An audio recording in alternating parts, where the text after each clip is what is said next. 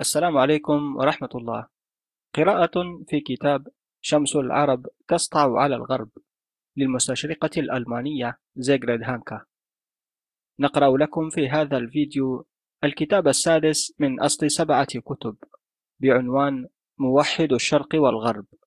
يقرأه عليكم عبد الباري الطشاني. ينقسم هذا الكتاب إلى ستة فصول. يمكنك الانتقال مباشرة إلى الفصل المطلوب عن طريق الضغط عليه من داخل مربع الوصف. عزيزي متابع قناة كتب وروايات عبد الباري الطشاني. الآن يمكنك دعمنا للاستمرار في تقديم المزيد ولتحسين جودة المحتوى سواء على بيبال أو يمكنك الاشتراك معنا على منصة باتريون التي نشارك فيها معك محتوى حصريا. كما لا تنسى متابعتنا على منصات التواصل الاجتماعي. وللاستماع للكتب مباشرة تابع البودكاست الخاص بنا. ستجد كل الروابط بالوصف بالأسفل. الفصل الأول. دولة النورمان حلقة الاتصال بين عالمين. لقد أحضر القيصر هاينريش السادس لدى عودته من إيطاليا بضع قطع أثرية أضافها إلى نفائس الإمبراطورية المقدسة. وكان من بينها بضعة أثواب استقبل بها ابنه الأكبر فريدريك الثاني في روما تاج الإمبراطورية. وكان معطف القيصر أجمل ما في رسومها وشعارات الإمبراطورية وأثمنها. كان المعطف مصنوعا من قماش أرجواني رسمت عليه شجرة نخيل تحمل ثمارا ذهبية لامعة. وعلى كل من جانبيها صورة أسد قوي يضرب بمخالبه جملا كبيرا. وأرض المعركة حمراء ذهبية. وقد زين الرسم بخطوط وأشكال زخرفية باللون البني الغامق وبصفوف مزدوجة من اللؤلؤ البراق الجميل. وكتب ناسج الذهب على حافة المعطف مكان إتمامه لعمله الفني هذا وزمانه. بمصنع الملك مقر الشرف والحظ السعيد مقر الخير والكمال مقر الجدارة والمجد. في مدينة صقلية عام 528 هجرية. والكتابة على حافة معطف القيصر مكتوبة باللغة العربية كما أن النساج العربي قد أرخ عمله بالتاريخ الهجري الذي اتخذ من هجرة محمد صلى الله عليه وسلم من مكة بداية للتقويم.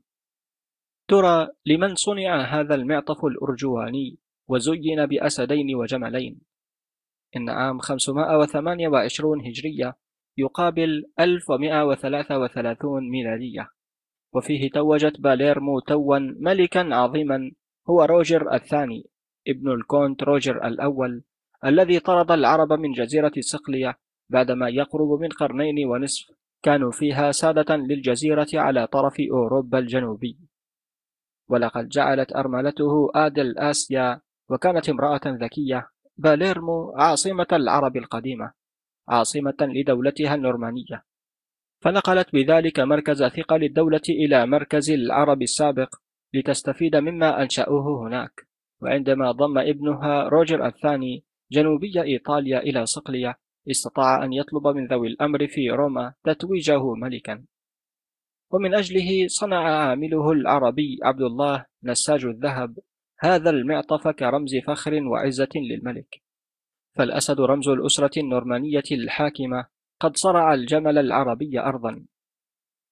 ومع هذا لو سئل عبد الله هذا عما رسم لما استطاع أن يقدم دليلا واحدا على وجود هذا الطغيان النورماني الذي صوره. فمنذ مائتي سنة قدم العرب إلى صقلية من تونس من المنطقة التي حول القيروان وحولوا خرائب صقلية إلى حدائق غناء واستوردوا لها من بلادهم أشجار النخيل وزرعوا فيها أشجار البرتقال والفستق والمر والموز والزعفران. فحولوا الجزيرة الفقيرة بالقطن وقصب السكر إلى بلد يزخر بالخيرات وزينوها بالقصور والمساجد الرائعة التي كانت تعج بالشعراء والمغنين والفلاسفة والأطباء وعلماء الرياضة والطبيعة. ويحصيها ابن حوقل عام 980 ميلادي في باليرمو فقط بثلاثمائة ما بين قصر ومسجد. واستخدم المتعلمون في صقلية في كتاباتهم ورقا أبيض كان أول ورق عرفته أوروبا. وكان ذلك قبل أن تصدره إسبانيا للغرب بزمن طويل.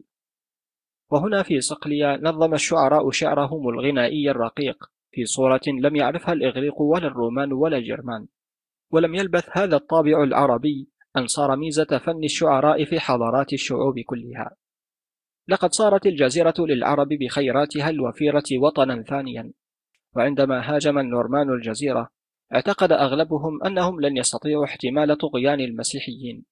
واستبد الحنين إلى صقلية بمن غادرها من العرب فصاروا لا يتحدثون عنها إلا ويقولون أرض الوطن.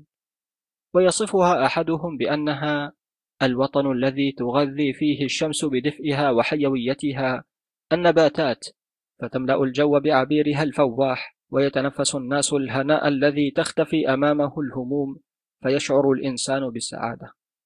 ويصف الشاعر ابن حمديس الذي هاجر إلى الأندلس فضائع الحكم النورماني في صقلية كما تخيلها فيقول صقلية كاد الزمان بلادها وكانت على أهل الزمان محارسا فكم أعين بالخوف أمست زواهرا وكانت بطيب الأمن منهم نواعسا.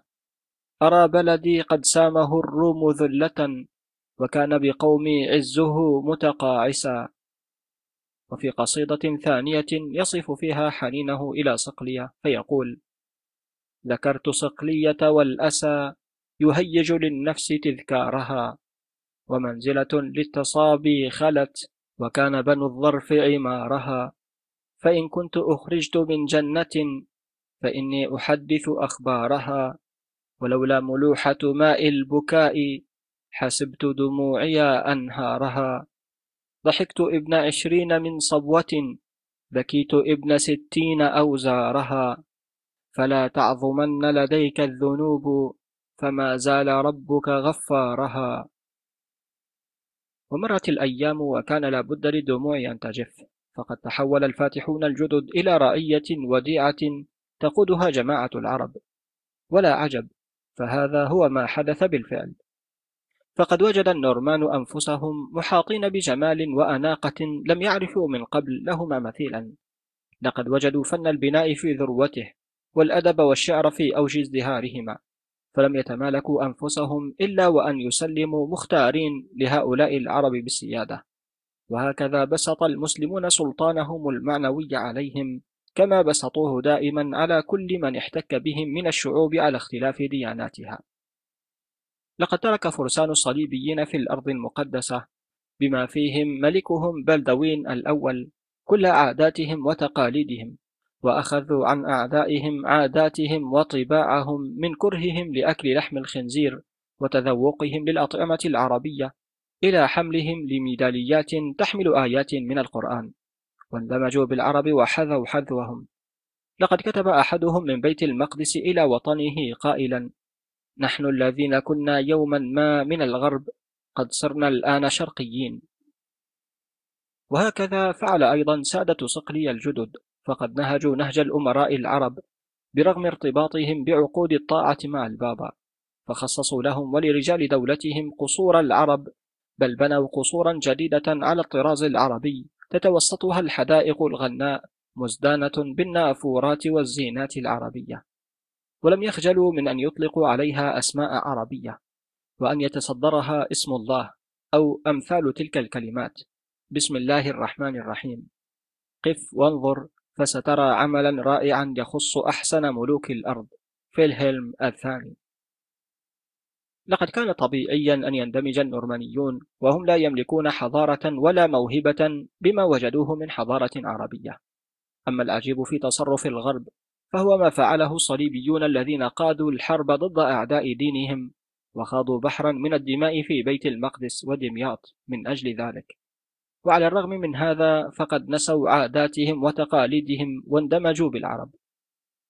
ولأول مرة في تاريخ العالم المسيحي أظهر النورمان تسامحا مع المخالفين لهم في العقيدة متمثلين بالعرب في شهامتهم ورجولتهم فكان ذلك المسلك بالتأكيد هو سر ما أصاب دولتهم من ازدهار إذا قورنت بنظيراتها في الغرب ترى هل أجبرتهم أهدافهم السياسية على عدم التخريب وذبح الكفارة المنهزمين من المسلمين؟ هل اضطرتهم كثرة المسلمين العددية إلى الاعتدال وعدم اتخاذ الأساليب الوحشية التي عرفت عنهم في غزواتهم في أوروبا أم يكون إعجابهم بشهامة العرب وتسامحهم هو الذي سحرهم؟ على أي حال وسواء كان الدافع هو كل تلك الأسباب أو بعضها فإن إعجابهم بخصمهم أيقظ فيهم واجبات الشرف الجرمانية ووقف النورمان أمام خصومهم المسلمين المنهزمين موقف الحليم المتسامح. تسامح لم يعرف عن المسيحيين في الغرب ولا فرسان الحروب الصليبية. وتذكر الناس كلمات عمرو بن العاص لدى تسليم الإسكندرية عندما رأوا الدوق روبرت جويسكارد يعد المسلمين المحاصرين في باليرمو بحرية ممارسة شعائرهم الدينية ويؤمنهم على حياتهم وممتلكاتهم. ثم يفي بوعده بعد احتلاله المدينة وذهل الناس عندما وضع أخوه الكونت روجر إدارة شؤون العاصمة المحتلة في يد الأمير العربي المنهزم. يعيد التاريخ سيرته الأولى يوم كان العرب الفاتحون يسمحون للشعوب المنهزمة أن تمارس عاداتها وعقائدها. ولكن ما حدث للنورمان الفاتحين كان غير ما حدث للعرب أيام فتوحاتهم وانتصاراتهم. فلقد انقلبت مع النورمان الأوضاع فحاولوا وهم المنتصرون أن يقلدوا المسلمين المنهزمين وأن يتطبعوا بطباعهم. ويسير النورمان على ما نادى به الإسلام لا إكراه في الدين وعلى ما نادى به ثيودوريك من أنه لا يمكن لإنسان أن يرغم إنسانا آخر على اعتناق دين ما دون رغبته. وحرم الكونت روجر إجبار الرعايا المسلمين أو الإلحاح عليهم في ترك دينهم. فالأسقف الإنجليزي أنسلم الذي دخل خيام العرب أمام أسوار كابوا جنوبي إيطاليا شعر بغضب الأمير النورماني عليه عندما حاول التبشير بالدين المسيحي بين صفوف الجند المسلمين.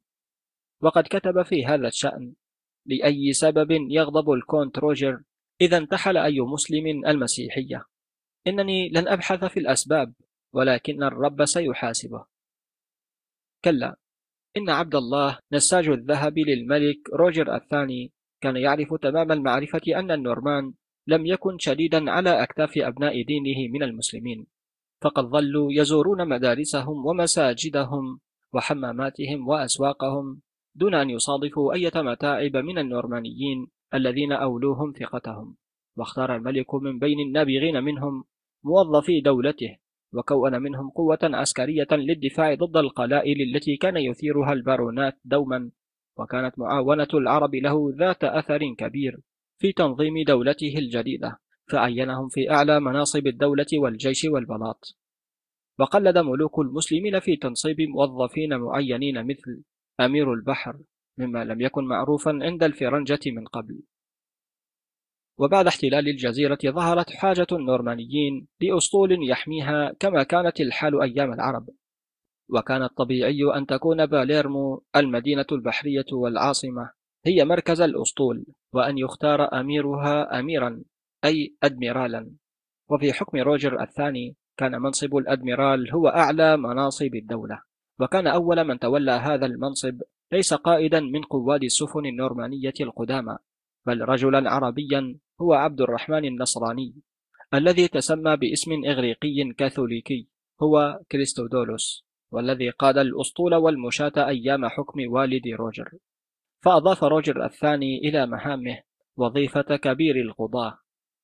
وارتفعت مكانة الأدميرال الثاني في مملكة النورمانيين وكان هو الآخر عربيا يدعى جورج الأنطاكي الذي أوتي موهبة في الإدارة والشؤون العالية جعلته في صدر شبابه وزيرا لحاكم المهدية قرب تونس برغم أنه مسيحي. وكان الوزير الفتى الذي يهوى المغامرة ويجيد أكثر من حرفة قد عرض خدماته على بلاط النورمانيين بعد وفاة سيده خشية من نيات الحاكم الجديد ورغبة منه في الهرب من وجهه. ولقد وجد روجر الثاني في جورج ذاك الرجل المغامر الذي تحتاج إليه دولته. وبينما سكان ماجديه ورجال البلاط يؤدون صلاة الجمعة في المسجد الكبير استقل وزير المالية متخفيا في زي بحار ومعه رجاله المخلصون له. سفينة البريد النورمانية التي تظاهرت بقدومها من باليرمو حاملة رسالة للأمير. ولقد لاقى جورج في باليرمو نجاحا مماثلا للنجاح الذي لاقاه وهو فتى مغامر في صدر شبابه. فعهد إليه عبد الرحمن النصراني في أول الأمر شؤون الإدارة. ولكن موهبته السياسية والمالية التي ظهرت جالية في بعثته الموفقة إلى سلطات مصر زادت إعجاب روجر به. فعهد إليه بقيادة مجموعة من سفن الأسطول. ولم يلبث جورج أن تولى رئاسة الأسطول كله متخطيا كل أقرانه. وقد لاقت البحرية على يد جورج الذي لم يلبث أن أصبح أمير أمراء البحر. عدة إصلاحات وتنظيمات توخى فيها النظام العربي المتبع آنذاك مما جعلها سلاحا قويا. استطاع أن يغزو به شمالي إفريقيا ويحتل أهم موانئها التي عمل فيها في صدر شبابه. إن هذا العربي الماهر الذي قدم لدولة النورمانيين هذه الخدمات الجليلة صار من أقرب المقربين إلى الملك. فطوال أربعين عاما خدمها بإخلاص احتضنه الملك أكثر من أي واحد آخر من رجال بلاطه وذلك لنزاهته وشخصيته الممتازة وحسن تقديره للمسؤولية. فنراه يتحدث عنه مثلا في عام 1132 ميلادية ويسميه بالشخصية الأولى في المملكة كلها. وعندما وافاه أجله بعد ذلك العام بعشرين سنة لم يتمالك الناس حتى من كانوا يعادونه من أن يقولوا لن يجد ملك صقلية من يسد الفراغ الذي تركه موت ذلك الرجل العظيم. ألا تحمل مثل تلك الصداقة التي ربطت ملك صقلية برجال ممتازين من العرب ولمسه لمقدرتهم الفذة وثقافتهم الواسعة وتقديره لرجولتهم وشهامتهم على أن يحب العرب عامة ويجلهم. لقد حدث هذا بالفعل فكان العرب دائمي التردد على الملك يناقشهم ويفيد من علمهم ويتخذ من علمائهم وشعرائهم جلساء له ويشجعهم على ترجمة الكتب العربية والإغريقية المعربة. بل وينضم إلى جانب العرب حين تحدث منازعات بينهم وبين المسيحيين. وقد كتب عنه المؤرخ العربي ابن الأثير قائلا وأكرم المسلمين وقربهم ومنع عنهم الفرنج فأحبوه. من كتاب الكامل في التاريخ.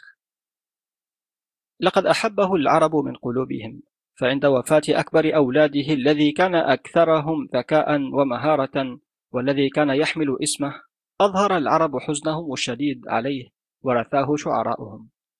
بل إن سيدات الأسر العربية لبسن السواد وتركن شعورهن حزنا على وفاته. وسارت خادماتهن في الشوارع ترتلن مقطوعات الرثاء. ورسم العرب لروجر صورة خالدة ليست كصور العصور الوسطى مثالية غير شخصية. إن هذه اللوحة تنطق بحبهم له كمؤسس للدولة ومشرع ومحب للعلوم والرياضيات والجغرافيا وعاشق للفنون. والفضل يرجع للعرب في جعلهم من روجر الثاني أغنى ملك في أوروبا يوم كان أصغر ملوكها.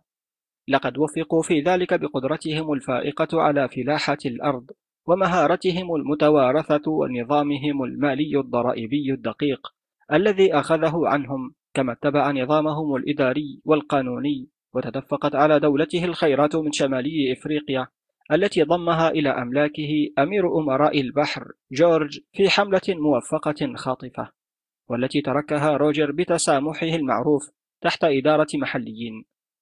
فالفضل كل الفضل يعود لذلك العربي الشجاع الذي وسع رقعة أملاكه ونفوذه وجعله يزهو باسمه ملك صقلية وإيطاليا وشمالي إفريقيا. لقد أثارت تلك الفتوحات في الملك رغبة ملحة في التعرف على العرب ومن ذا الذي يستطيع أن يرسم له صورة واضحة للعالم إلا عربي عربي مثل أولئك السبعين جغرافيا. الذين رسموا خريطة العالم بأمر من المأمون في بغداد. ولم يتردد الملك في دعوة أعظم علماء الجغرافيا في عصره الإدريسي. ولم لا؟ أوليس هو ملك صقليا وإيطاليا وشمالي إفريقيا؟ ويكتب الإدريسي أنه عندما خضعت له بلاد إيطاليا وقبلت الشعوب سيادته شاء الملك أن يتفهم أجزاء إمبراطوريته فأراد أن يعرف حدودها وطرقها المائية والبرية. ومناخ كل منطقة والبحار والخلجان التي تحيط بها. ليس هذا فحسب وإنما أراد أيضا أن يتعرف على البلدان الأخرى. وأمر بتأليف كتاب يحوي وصفا كاملا للمدن والبلاد يوضح طبيعتها وثقافتها والنشاط البشري فيها ويذكر بحارها وجبالها وأنهارها وسهولها وأوديتها.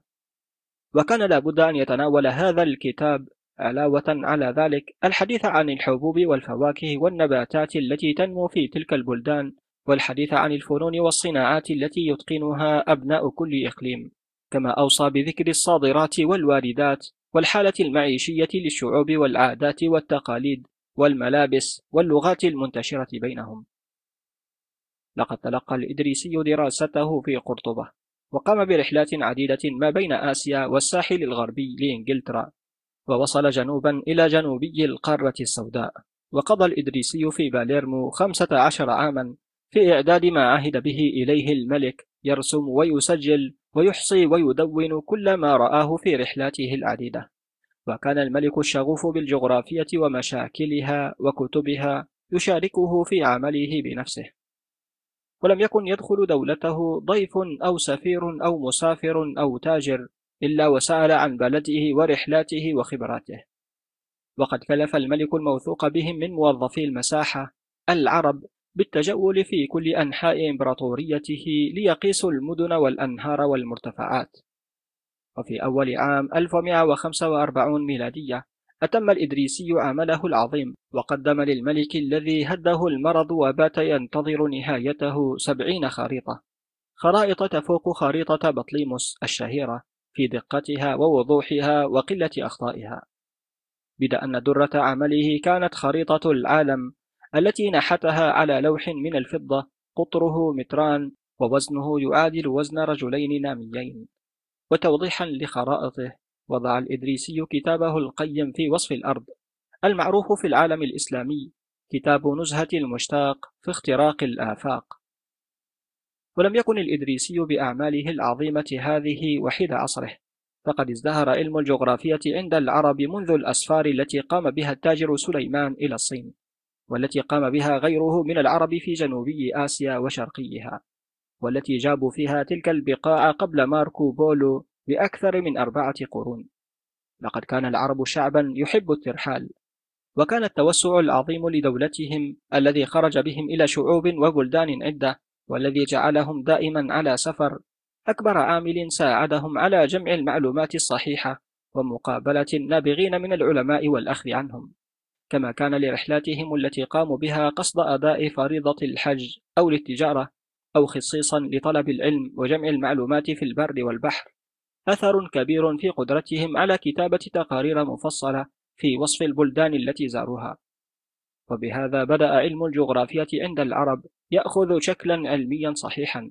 وبينما كان الغرب عاكفا خلف أسوار الأديرة يبحث عن الجغرافيا فيما كتبه الأقدمون وما وصلوا إليه من نظرية أو استنتاجات. كان عالم كالمقدسي مثلا يجوب الأرض طولا وعرضا ليكتب في القرن العاشر كتابا في جغرافية الأرض وشعوبها.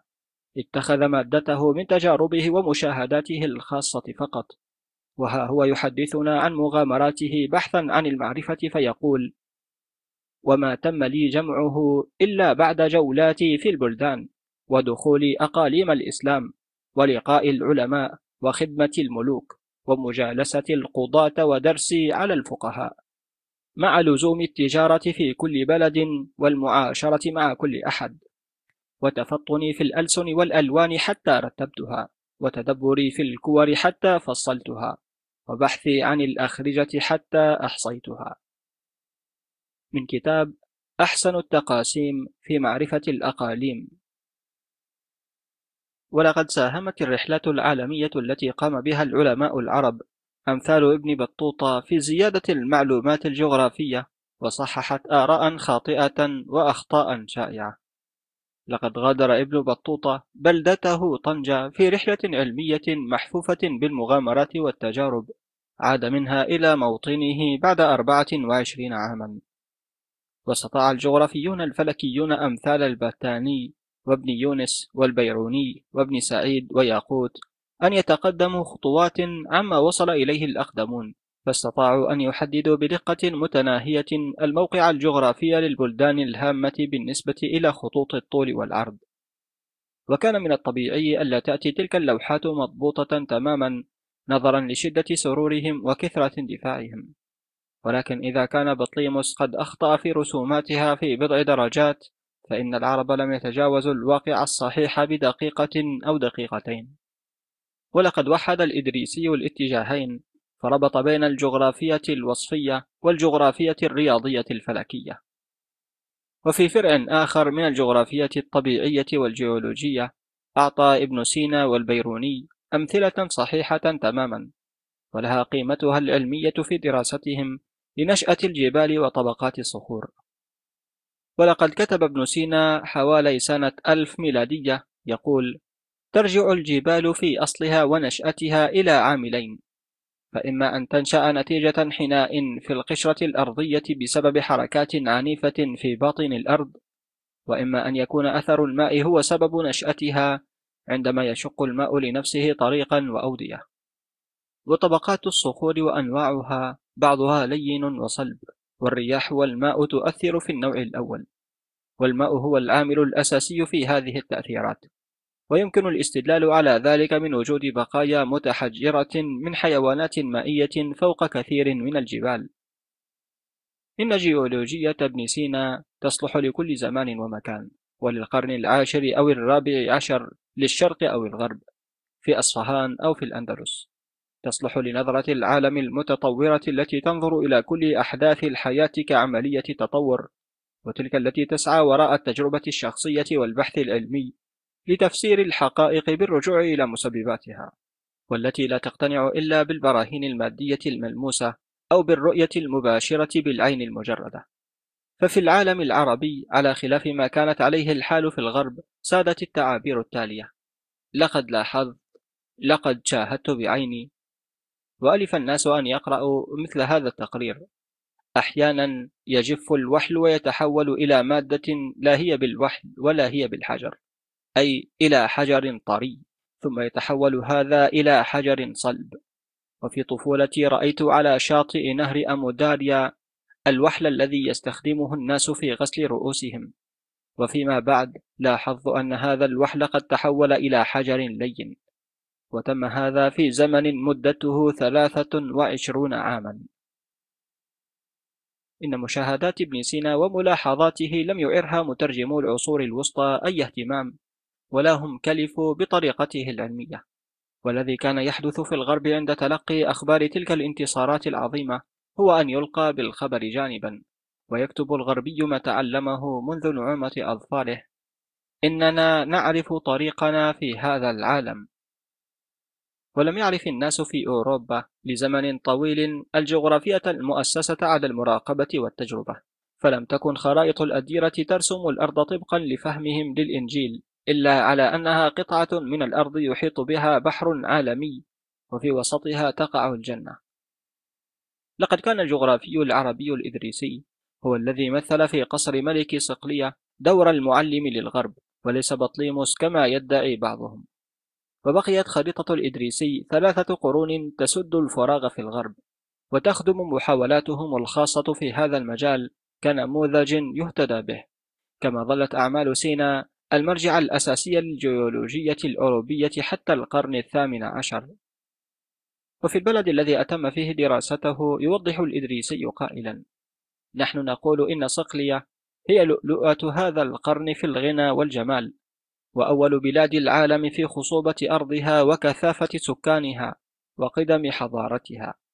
يأتي إليها المسافرون والتجار من كل الأنحاء وكلهم يأتي إليها المسافرون والتجار من كل الأنحاء وكلهم مقدر لصقلية مكانتها. الجميع يثنون على جمالها. ويتحدثون عن مزاياها وبضائعها التي تأتيها من أرقى البلاد. وباليرمو مركز الملك منذ القدم.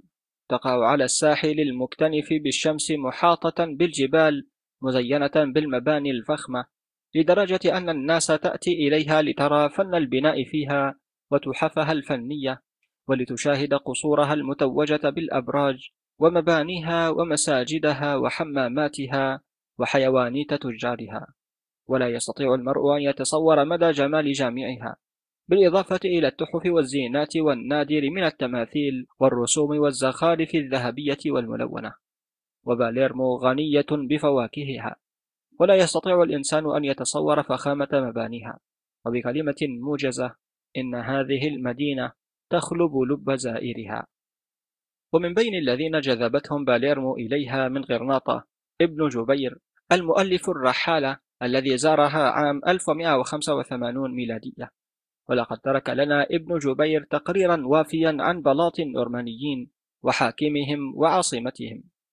وكيف كان حالهم بعد وصف الإدريسي وثنائه عليهم بمدة ثلاثين عاما. وكان الملك روجر الثاني في هذه الأثناء قد توفي في العام نفسه الذي سلمه فيه الإدريسي عمله بعد أن أتمه وتسلم من يده. هدايا كالبحر لا تنضب مباركة كالغيث وبعد حكم قصير لابنه فيلهلم الأول خلفه على العرش حفيده فيلهلم الثاني. ومر على حكم النورمان لصقلية مئة عام توطدت فيها أواصر الحكام برعيتهم من العرب. وهذا ما كان يلمسه كل قادم للبلاد من غرناطة أو غيرها بعد أن يظن أنه قادم إلى بلاد يحكمها الفرنجة. فقد كان الملك يضع كل ثقته في العرب فعملوا عنده كأطباء أو كفلكيين. إنه اعتمد عليهم في شؤونه الخاصة. فكان طباخ قصره عربيا بل لقد كون منهم فرقة لحراسته يرأسها عربي أيضا. فالعرب هم عماد دولته يختار من بينهم موظفي الدولة والبلاط ويصطفي منهم أمناءه ووزراءه. وبرؤيتهم فقط يتعرف الإنسان على مدى ازدهار دولته. وهم يختالون في الغالي والنفيس من الثياب ويركبون الأصيل من الخيل ولكل منهم حاشيته وخدمه. والملك فيلهلم يمتلك القصور الفخمة والحدائق الغناء خاصة في عاصمته باليرمو وهو في لهوه يحاكي الأمراء المسلمين ويحاكيهم في قوانينهم ونظام حكوماتهم وفي معاملة رعيته وكذلك أباهتهم ومظهرهم. إنه يكتب اللغة العربية ويقرأها بل إن أحد خدمه المقربين يذكر أنه كان يكرر الكلمات الحمد لله إن الثناء عليه حق وكانت كل الفتيات والجاريات في قصره من المؤمنات بالإسلام. ويذكر خادمه هذا المدعو يحيى والذي كان والده يطرز حلل الملك بالذهب إن كثيرا من الفرنجة المسيحيين الذين كانوا في قصر الملك قد تحولوا عن المسيحية ودخلوا في الإسلام بتأثير هؤلاء الفتيات. وأما جواريه وحظاياه في قصره فمسلمات كلهن. ومن أعجب ما حدثنا به خديمه يحيى ابن فتيان الطراز وهو يطرز بالذهب في طراز الملك أن الإفرنجة من النصرانيات تقع في قصره فتعود مسلمة. تعيدها الجواري المذكورات مسلمة. وأعلمنا أنه كان في هذه الجزيرة زلازل مرجفة ذعر لها هذا المشرك فكان يتطلع في قصره فلا يسمع إلا ذاكرا لله ولرسوله من نسائه وفتيانه ولربما لحقتهم دهشة عند رؤيته فكان يقول لهم ليذكر كل أحد منكم معبوده ومن يدين به تسكينا لهم.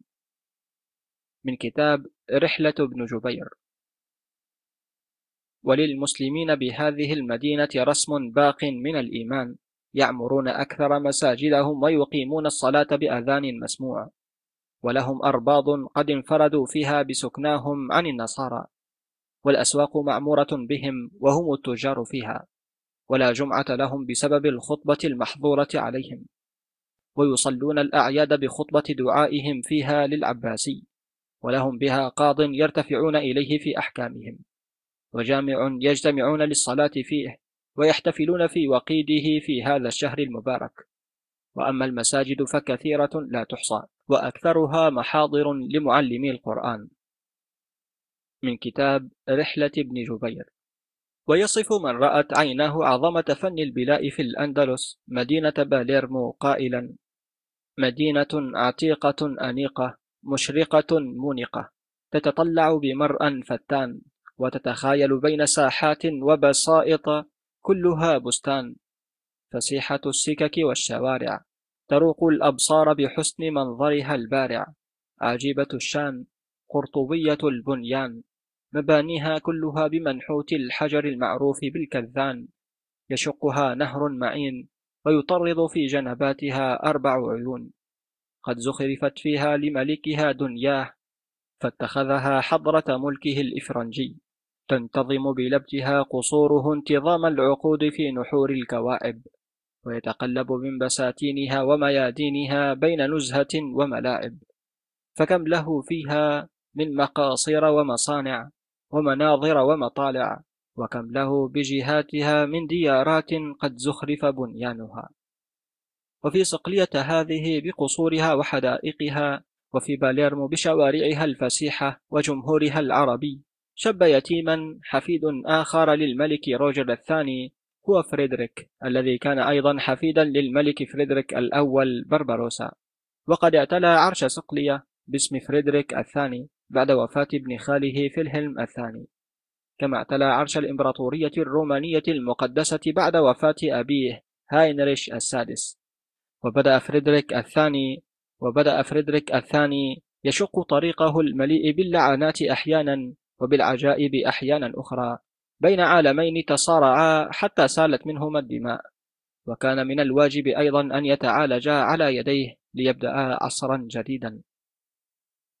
قناة كتب عبد الباري الطشاني على اليوتيوب. الفصل الثاني توحيد الشعوب المتنازعة. إن المباحثات السرية الجارية بالقرب من يافا لا تنتهي. والهمسات تتردد على الأفواه حتى تصل إيطاليا. إن القيصر فريدريك الثاني يتفاوض مع الكفار. هكذا عاش الناس بين تلك الهمسات منذ أن تجرأ القيصر المطرود من الكنيسة على أن يطأ بقدمه الأرض المقدسة. لم يكن قد استل حتى ذلك الحين سيف من غمده كما كان متوقعا وتجمدت الأحوال وأعطى فريدريك لجنوده الألمان وللحفنة التي بقيت معه من الإنجليز وأبناء جنوى وبيزا معاول بأيديهم يلهيهم بها عما يشعرون به من ملل السكون والبطالة ليحفروا بها خنادق دفاعية. وتوالت الرسل بين يافا ومعسكر الملك الكامل قرب الحدود المصرية جيئة وذهابا. وفي الوقت نفسه جلس قائد المسيحيين في خيمته مع رجل عربي حصيف خبير بأمور الدنيا وأحداثها يتناقشان ويتجادلان باللغة العربية بثقة متبادلة. ولم يكن أحد ليعلم شيئا عما يدور بينهما. ولم يكن أحد ليعلم أيضا ماذا يخفي القدر لسيدهم هذا الذي عملت دعاوة أعدائه في روما بكل الوسائل على تجريحه والنيل منه خاصة بعد أن أصدر البابا حكمه بحرمانه من الكنيسة وأخرج أتباعه من يمين القسم. وأرسل جنده يهاجمون إمبراطوريته. ولم تقتصر متاعب القيصر فريدريك على ذلك فإنه لم يسلم من مؤامرات الخونة من معسكره ومكائدهم. وكان لا يعرف كيف يتدبر أمر إطعام جنوده بعد أن ذهبت العواصف البحرية بالإمدادات المرسلة إليه. غير أن الرجل كان يخفي آلامه خلف وجه باسم حتى لا يشمت به أعداؤه. والواقع أنه لم يكن أحد يعرف متاعب القيصر إلا هيرمان فون سالتزا رئيس الفرسان الألمان والكونت اللومباردي توما الأكويني والأمير فخر الدين الذي كان قد فاوضه منذ عام منتدبا من سلطان مصر بشأن عقد اتفاق لتسليم بيت المقدس. وبهذا نشأت بينه وبين فريدريك صداقة وثيقة سببها إعجاب فريدريك بذكاء الكامل. وسلوكه الطيب وسعة اطلاعه. إلا أن عرض السلطان السالف الذكر وشروطه للصلح تهاوت بطبيعة الحال. فالكامل لم يعد في حاجة لما عرضه فريدريك من مساعدة إذ أنه استولى على بيت المقدس دون عون أو حرب وأرسل فريدريك مستشاره القانوني إلى سلطان مصر ليقول له إننا لم نعبر البحر لنحتل أراضيكم فإننا نملك من البلدان أكثر من أي ملك على الأرض. واستقبل السلطان مستشار القيصر وأحاطه بالإكرام والإحترام ولكنه أهمل عروضه كلها بأدب دبلوماسي. ولم تسفر هذه الاتصالات التي توالت بين القيصر والسلطان إلا عن تبادل الهدايا. فأرسل إليه الكامل جمالا سريعة وعددا من الهدايا النفيسة وأظهر فريدريك احترامه وإعجابه بثقافة الكامل ورجال دولته. فبعث إليهم بكتب الرياضيات والفلسفة وعلوم الطبيعة. أما عن الاتفاق المقترح بينهما فإنه لم يتم منه شيء بالمرة. وما كان لينقذ فريدريك من حكم الموت الذي صدر ضده من الكنيسة على حد تفكيره وتفكير المخلصين من أتباعه إلا عقد اتفاق مع السلطان الكامل يحتل بموجبه بيت المقدس بأسرع وقت ممكن. وهكذا يكون قد وضع حدا لمشاكله المتفاقمة المتزايدة. ولكن كم كان هذا التفكير بسيطا ساذجا. وحقيقة الأمر أن الكنيسة ما كان يهمها قط أي انتصارات يحرزها فريدريك على أعدائه. وإنما كانت تبذل كل ما في وسعها من جهد لعرقلة أي مجهود يؤدي إلى نصرته وظفره. لقد كانت الكنيسة تريد أن ترى على أقدام العرش البابوي ملكا صريعا لا ملكا متوجا بأكاليل النصر والغار فالخطابات المتبادلة مع السلطان المصري أظهرت مدى امتنانهم له لعدم تسليمه الأماكن المقدسة لفريدريك الثاني. لقد كان لتبادل الهدايا بين فريدريك والسلطان الكامل فضلا عما فيه من إرضاء لغرور العاهلين وإشباع لهوايتها. أثر حميد في توطيد عرى الصداقة بين فريدريك والأمير فخر مبعوث السلطان. والذي قدم إلى معسكر فريدريك يحمل قائمة من السلطان بأسماء الكتب القيمة التي يبحث عنها. وكانت تلك فرصة توطدت فيها بين الرجلين صداقة ومحبة فأفسح فريدريك للأمير العربي مكانا في خيمته وآخر في قلبه. لماذا تكون الحرب واستخدام القوة وسيلتي تفاهم بينه وبين السلطان؟ ولماذا لا يمد الرجلان المحبان للفكر والثقافة؟ والكارهان للعنف وإراقة الدماء يد الصداقة الخالصة لبعضهما؟ أيجوز لهما أن يتوانيا والفرصة سانحة أمامهما عن حقن الدماء التي طال هدرها وتوحيد الشرق والغرب وقد طال صراعهما؟ لقد كانت هذه هي كلمات فريدريك التي أسر بها إلى صديقه فخر الدين ويأخذ فخر الدين بمنطق صديقه الذي كان هذا أيضا منهجه في الحياة ويزيل من طريق المفاوضات بين العاهلين أول عقبة. فيقترح على صديقه فريدريك ألا يبعث للسلطان مستشاره القانوني ذاك الذي يثير غضب السلطان بتصرفاته. ويقترح عليه أن يرسل إليه الكونت الأكويني القادم معه من صقلية والذي لا يجيد اللغة العربية فحسب بل يعرف أيضا كيف يتصرف كالمسلمين تماما. ولقد جاءت تلك النصيحة في الوقت المناسب والظروف الملائمة. واستطاع فريدريك بفضل رسوله هذا أن يلمح للسلطان بضرورة المحافظة على سمعته كفارس في الغرب.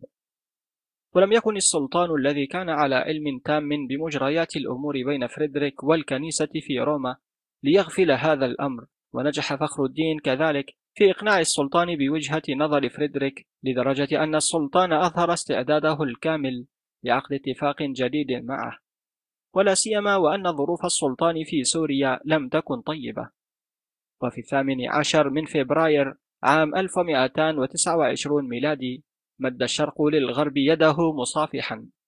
وأمام هرمان فون سالتزا وتوما الأكويني قال السلطان الكامل أقسم بالله العظيم وبقلب ونية سليمة أن أنفذ كل ما اتفقنا عليه في هذه الوثيقة وألا أحنث بقسمي وفي الساعة نفسها أقسم فريدريك الثاني قائد المسيحيين في معسكره قرب يافا بين يدي الأمير فخر الدين يمين احترامه للاتفاق مؤكدا قسمه بقوله إنه سيأكل لحم يده اليسرى إن هو حنث بهذا القسم العظيم وبهذا تم السلام بين الشرق والغرب دون حرب أو سلاح ومثلت المفاوضات دورها السلمي بنجاح.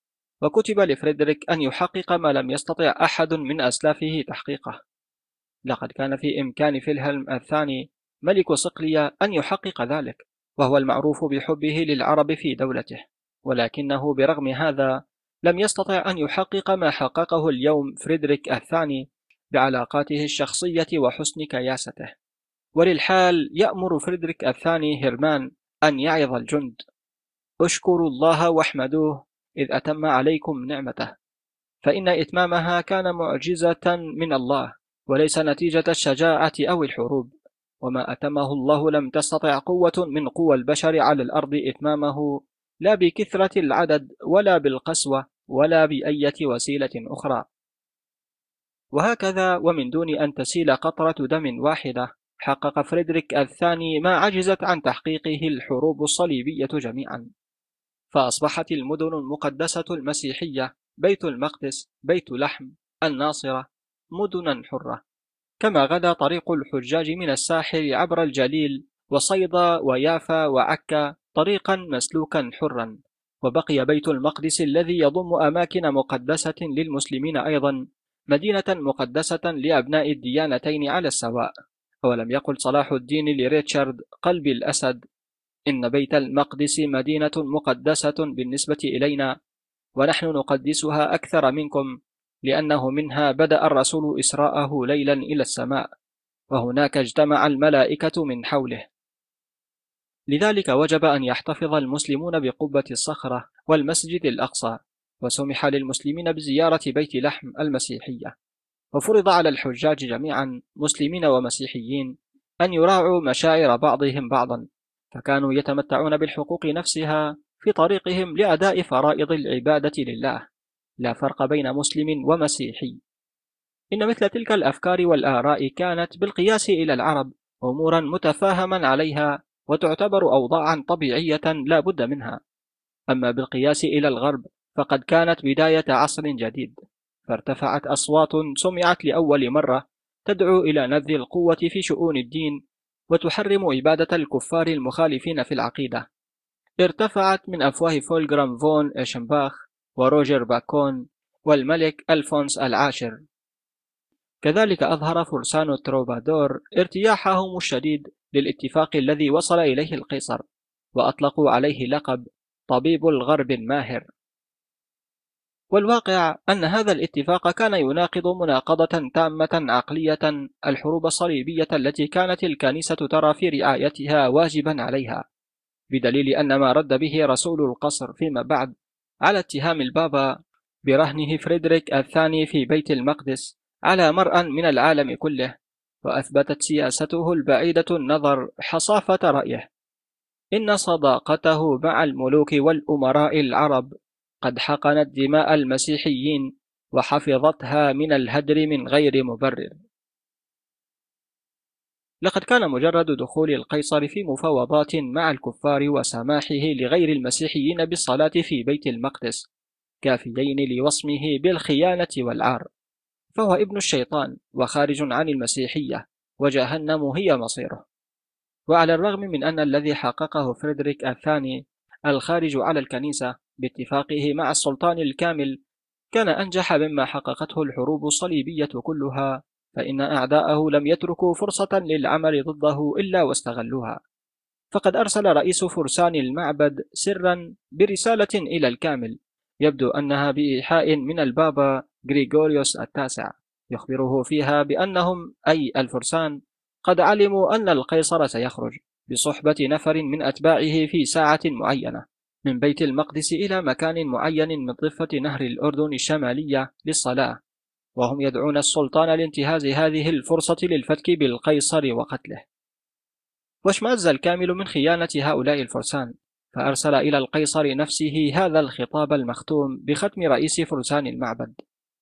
إن الكنيسة لم تكن لتدع وسيلة من الوسائل إلا وتستعملها لتحطم بها نجاح فريدريك الثاني الذي أحرزه قسرا عنها. ومن أمثلة هذه الوسائل أن فريدريك عندما وقف أمام أبواب يافا في طريقه إلى بيت المقدس ليتسلم من يد مندوب السلطان مفاتيح المدينة أصدر أسقف قيصرية حرمان بيت المقدس من الكنيسة.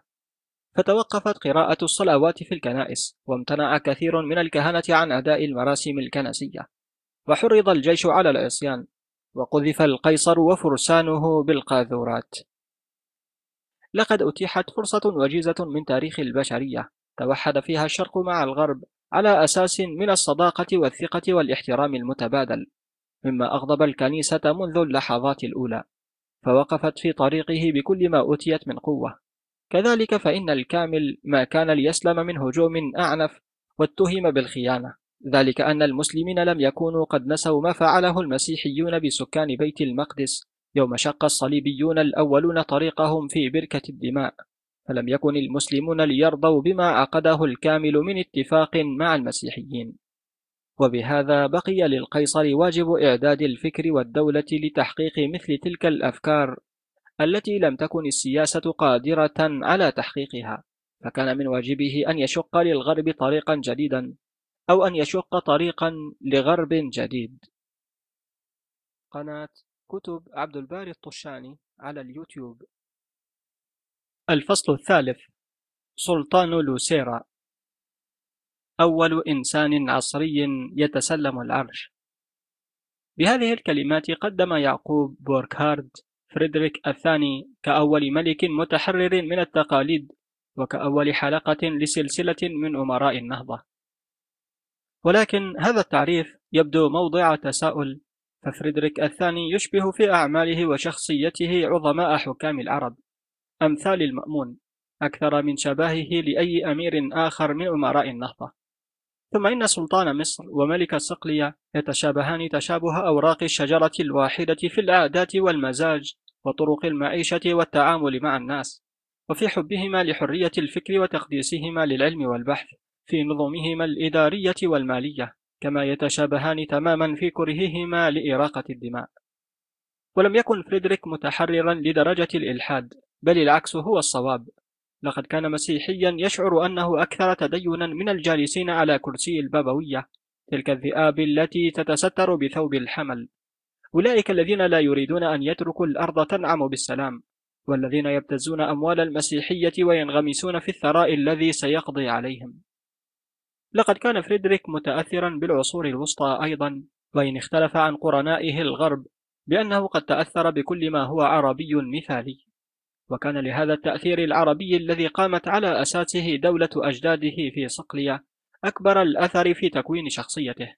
ويحكي عنه أبو الفداء قائلا لقد رأيت تلك البلاد عندما سافرت إلى إمبراطورها كسفير للملك والإمبراطور كان أحد ملوك الفرنجة الكرماء يهتم كثيرا بالفلسفة والمنطق والطب ويحب المسلمين لأنه تربى في جزيرة صقلية حيث أغلبية الشعب من المسلمين.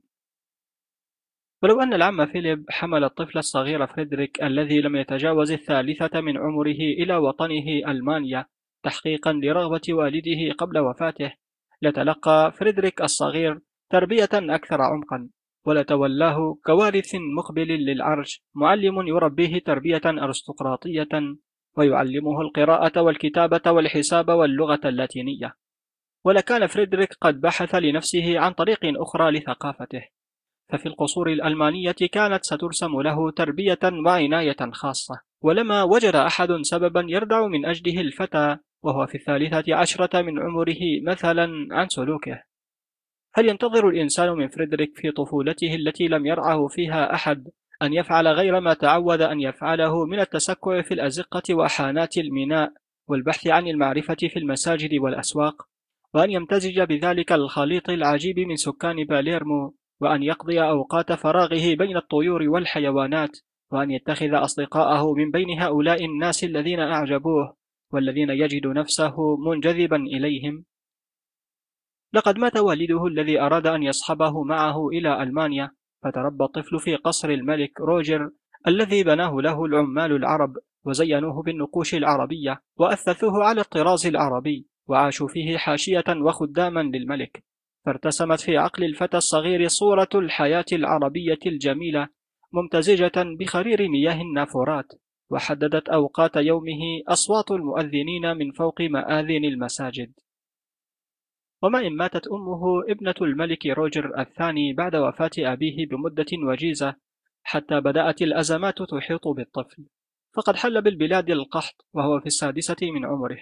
وتلقف سرات القوم من العرب الطفل فآووه بالتناوب. هذا يطعمه أسبوعا والآخر شهرا حتى صار الطفل في السابعة من عمره. أما عن تربيته وتعليمه فقد أخذت الحياة نفسها بيد الملك الطفل تقوده في دروبها. ففي ميادين باليرمو ومساجدها وكنائسها وفي أسواقها وحوانيتها وشوارعها تعلم فريدريك كل لغات أهلها المختلفة وعاداتهم ودياناتهم. وأصبح الفتى يتكلم تسع لغات ويجيد العربية كما لو كانت لغته الأم. كما تمرن على فن المناقشة والجدل في الأمور الدينية والفلسفية. ومنحه قاضي المدينة فرصة الاشتراك في الدروس وقدم له عددا من الكتب العربية في العلوم والمعارف المختلفة ليستنشق عبيرها العطري على حد قوله هو بأسلوبه العربي. إلا أن تربيته هذه بتلك الوسائل غير المألوفة في تنشئة الملوك وإن كانت لا تمت بصلة إلى ما كان يرجوه له والده من تربية مثالية أثمرت كما يبين تقرير كتب عنه وهو في الثالثة عشرة. إنه لا يقبل أي نصح يسدى إليه لمنعه من الخروج إلى الجماهير. ولكن عمره العقلي يسبق عمره الزمني لدرجة أنه بالرغم من صغر سنه كثير المعرفة يفهم ويدرك كرجل فالسنون والعمر لا قيمة لها في نضج هذا الفتى فهو الآن بمعارفه رجل وبقدراته حاكم. إن صور الطفولة وانطباعاتها تشكل اتجاهات الفكر والعقل. وقد أثرت تلك الظروف التي عاشها فريدريك في طفولته على شخصيته واتجاهاته طول حياته. تلك الاتجاهات التي برزت فيها صورة حية لأسلافه من النورمان ودولتهم التي رعت الثقافات وكفلت لها الضمانات اللازمة لازدهارها. ومن هنا كان احترام فريدريك لكل الديانات والعادات إلا أن هذا لا يعني اعترافه بالهراطقة فقد رأى فيهم محطمين للنظم والحضارات وكان تقديره للفكر العربي هو أساس نظرته للعالم التي رفعته عن بقية معاصريه وأسلافه ودفعت به لحب كل ما هو عربي وتقديره. ولم يخلو هذا الحب من شوائب عكرت صفوه فعند احتلال النورمان لصقلية وتبعا لما حدث أحيانا من اضطهادات للعرب لجأت جماعات منهم إلى الجبال المجاورة واعتصمت فيها معلنة عصيانها وعدم رضوخها لهذا الحكم الأجنبي. وقد سبب هؤلاء للملك الشاب متاعب عدة؟ فكثيرا ما أغاروا على الجزيرة. وكان على الملك الصقلي أن يحاربهم سنوات عدة ليوقف شغبهم المتزايد. وأجبرهم الجوع ذات يوم على الاستسلام لفريدريك. وانتظر خمسة وعشرون ألفا من العرب في معتقلاته. حكمه عليهم بالإعدام. ولكن فريدريك كان يعرف العرب تمام المعرفة. ولقد تعلم من موت أميرهم الذي قتله أثناء الحرب أن المصمم على الانتقام لا يكسب المعركة. وأن النصر الحقيقي يناله من يعفو ويتسامح لا من يتشفى من المنهزمين. والعربي يعفو عند المقدرة ويعطي المنهزم مثل ما له من حقوقه وهو لا ينسى معروفا أسدي إليه بل إنه يرد الجميل أضعافا. دعا فريدريك كل هذا لإطلاق سراحهم بدلا من إعدامهم وضمن لهم حرية ممارسة عقائدهم الدينية وأحلهم قرب فوجيا مدينته المحببة. وهكذا قامت في حدود إمبراطوريته في إيطاليا مستعمرات عسكرية إسلامية في جيروفالكو ولوسيرا حيث عاشت آلاف العائلات الإسلامية شبه مستقلة. لها إدارتها الخاصة وحاكمها العربي بمستشفياتها ومدارسها وحماماتها ومكتباتها. وتزايد عدد العائلات إلى ثلاثين ألف عائلة ثم إلى خمسة وثلاثين ألف عائلة أسبغ عليهم حبه ورعايته. ويشعر العرب بفضل فريدريك عليهم ويجعلون الوسيرة حماة للقيصر ولو بذلوا في سبيل ذلك حياتهم عرفانا منهم بالجميل. ومن بين صفوفهم المدربة على القتال اختار فريدريك حرسه الخاص كما كون منهم للقتال فرقة من ثلاثين ألف محارب تأتمر بأمره ولا تهزها كلمات البابا الموجهة إلى فريدريك. ويتفانى العرب في الإخلاص لفريدريك فلا يتركونه في أي من معاركه ضد أعداء دولته. ويزداد فريدريك ثقة بهم فيعهد لثقاته منهم بكنوز دولته لحراستها ويعطيهم سلطة الإشراف على قصوره وكل ممتلكات بلاطه. وولاهم على المصانع التي تنتج حاجيات قصوره ودولته من أقواس وسهام ودروع وملابس للفرسان ولجم وسروج للخيل والجمال فضلا عن الخيام والسجاد والستائر والوسائد المذهبة والمراتب الحريرية. فأدار العرب كل ذلك بكفاية تامة كانت موضع إعجابه الدائم. وفي الحجرات الملكية في لوسيرا وميسينا وغيرها طرز العمال المهارة الستائر الحريرية بالذهب وأعدوا سروج الخيل والجمال للقيصر نفسه وجلست الفتيات ينسجن الحرائر والأصفاف والأقطان تحت إشراف خصيان القصر الخبراء بتلك الفنون. ولم يسلم القيصر من همسات ترددت عن علاقاته الغرامية بالفتيات الجميلات. وإذا كان فريدريك دائم الخروج فوق حصانه العربي مصحوبا بالنياق والجمال التي كانت دوما تحمل أجزاء من مكتبته وبالأفيال والقردة والفهود تحرسه جماعات من العرب بملابسهم الزاهية ومن الحبشة ببشرتهم السمراء متبوعا دائما بحراسه من رماة السهام وبعدد ضخم من الأتباع والتابعات المحجبات فقد أعطى بذلك للناس مادة خصبة للتقول عليه والاعتقاد بأن للقيصر من أولئك النسوة اللائي لا يتركنه أبدا حريما يغص بالفتيات الجميلات. حيث ينعم القيصر في خدورهن بوقت ممتع. أما إذا كان لهذه الاتهامات الموجهة لفريدريك والتي قدمها البابا باكيا للمجمع المقدس نصيب من الصحة أم لا؟ فهذا ما لا نستطيع الإجابة عليه إلا بمثل ما أجاب به رسول القيصر على البابا في ليون أمام مجمع الكنيسة بقوله من غير فريدريك نفسه يستطيع أن يثبت هذا؟ فارتسمت يوم ذاك الإجابة على الأفواه كما ترتسم الآن على شفاهنا جميعا. لا أحد سوى الله. وكان كل طفل من أبناء الأتباع في قصر القيصر بصقلية يحمل في جيبه المفتاح الذي يؤدي به مباشرة للقصر. فأصل الشخص ومركزه ولونه وديانته لا تمثل بالمرة أي دور في اختيار القيصر لرجاله فكلهم أمام ناظره سواء. وكل من يظهر منهم ذكاء كان القيصر يأمر في الحال بإعداد دراسة خاصة تنظم له فيأمر بأجر شهري للمدرس واكيم ليعلم الخادم عبد الله القراءة والكتابة باللغة العربية. ويأمر بتعليم العبدين الصغيرين مرزوق وموسكا فنون الموسيقى فيعزفان بأبواق فضية صنعت خصيصا لهما. ويعجب القيصر يوما بطفل عربي صغير عريض الجبهة أسمر العينين كان ابنا لأحد عبيده من البربر القادمين من مراكش فيقلده وظيفة هامة. ويتسلق العبد برعاية فريدريك سلم وظائف الدولة بمهارة ويشتهر ذلك الرجل باسم المورو. ويعرفه التاريخ باسم يوحنا موروس.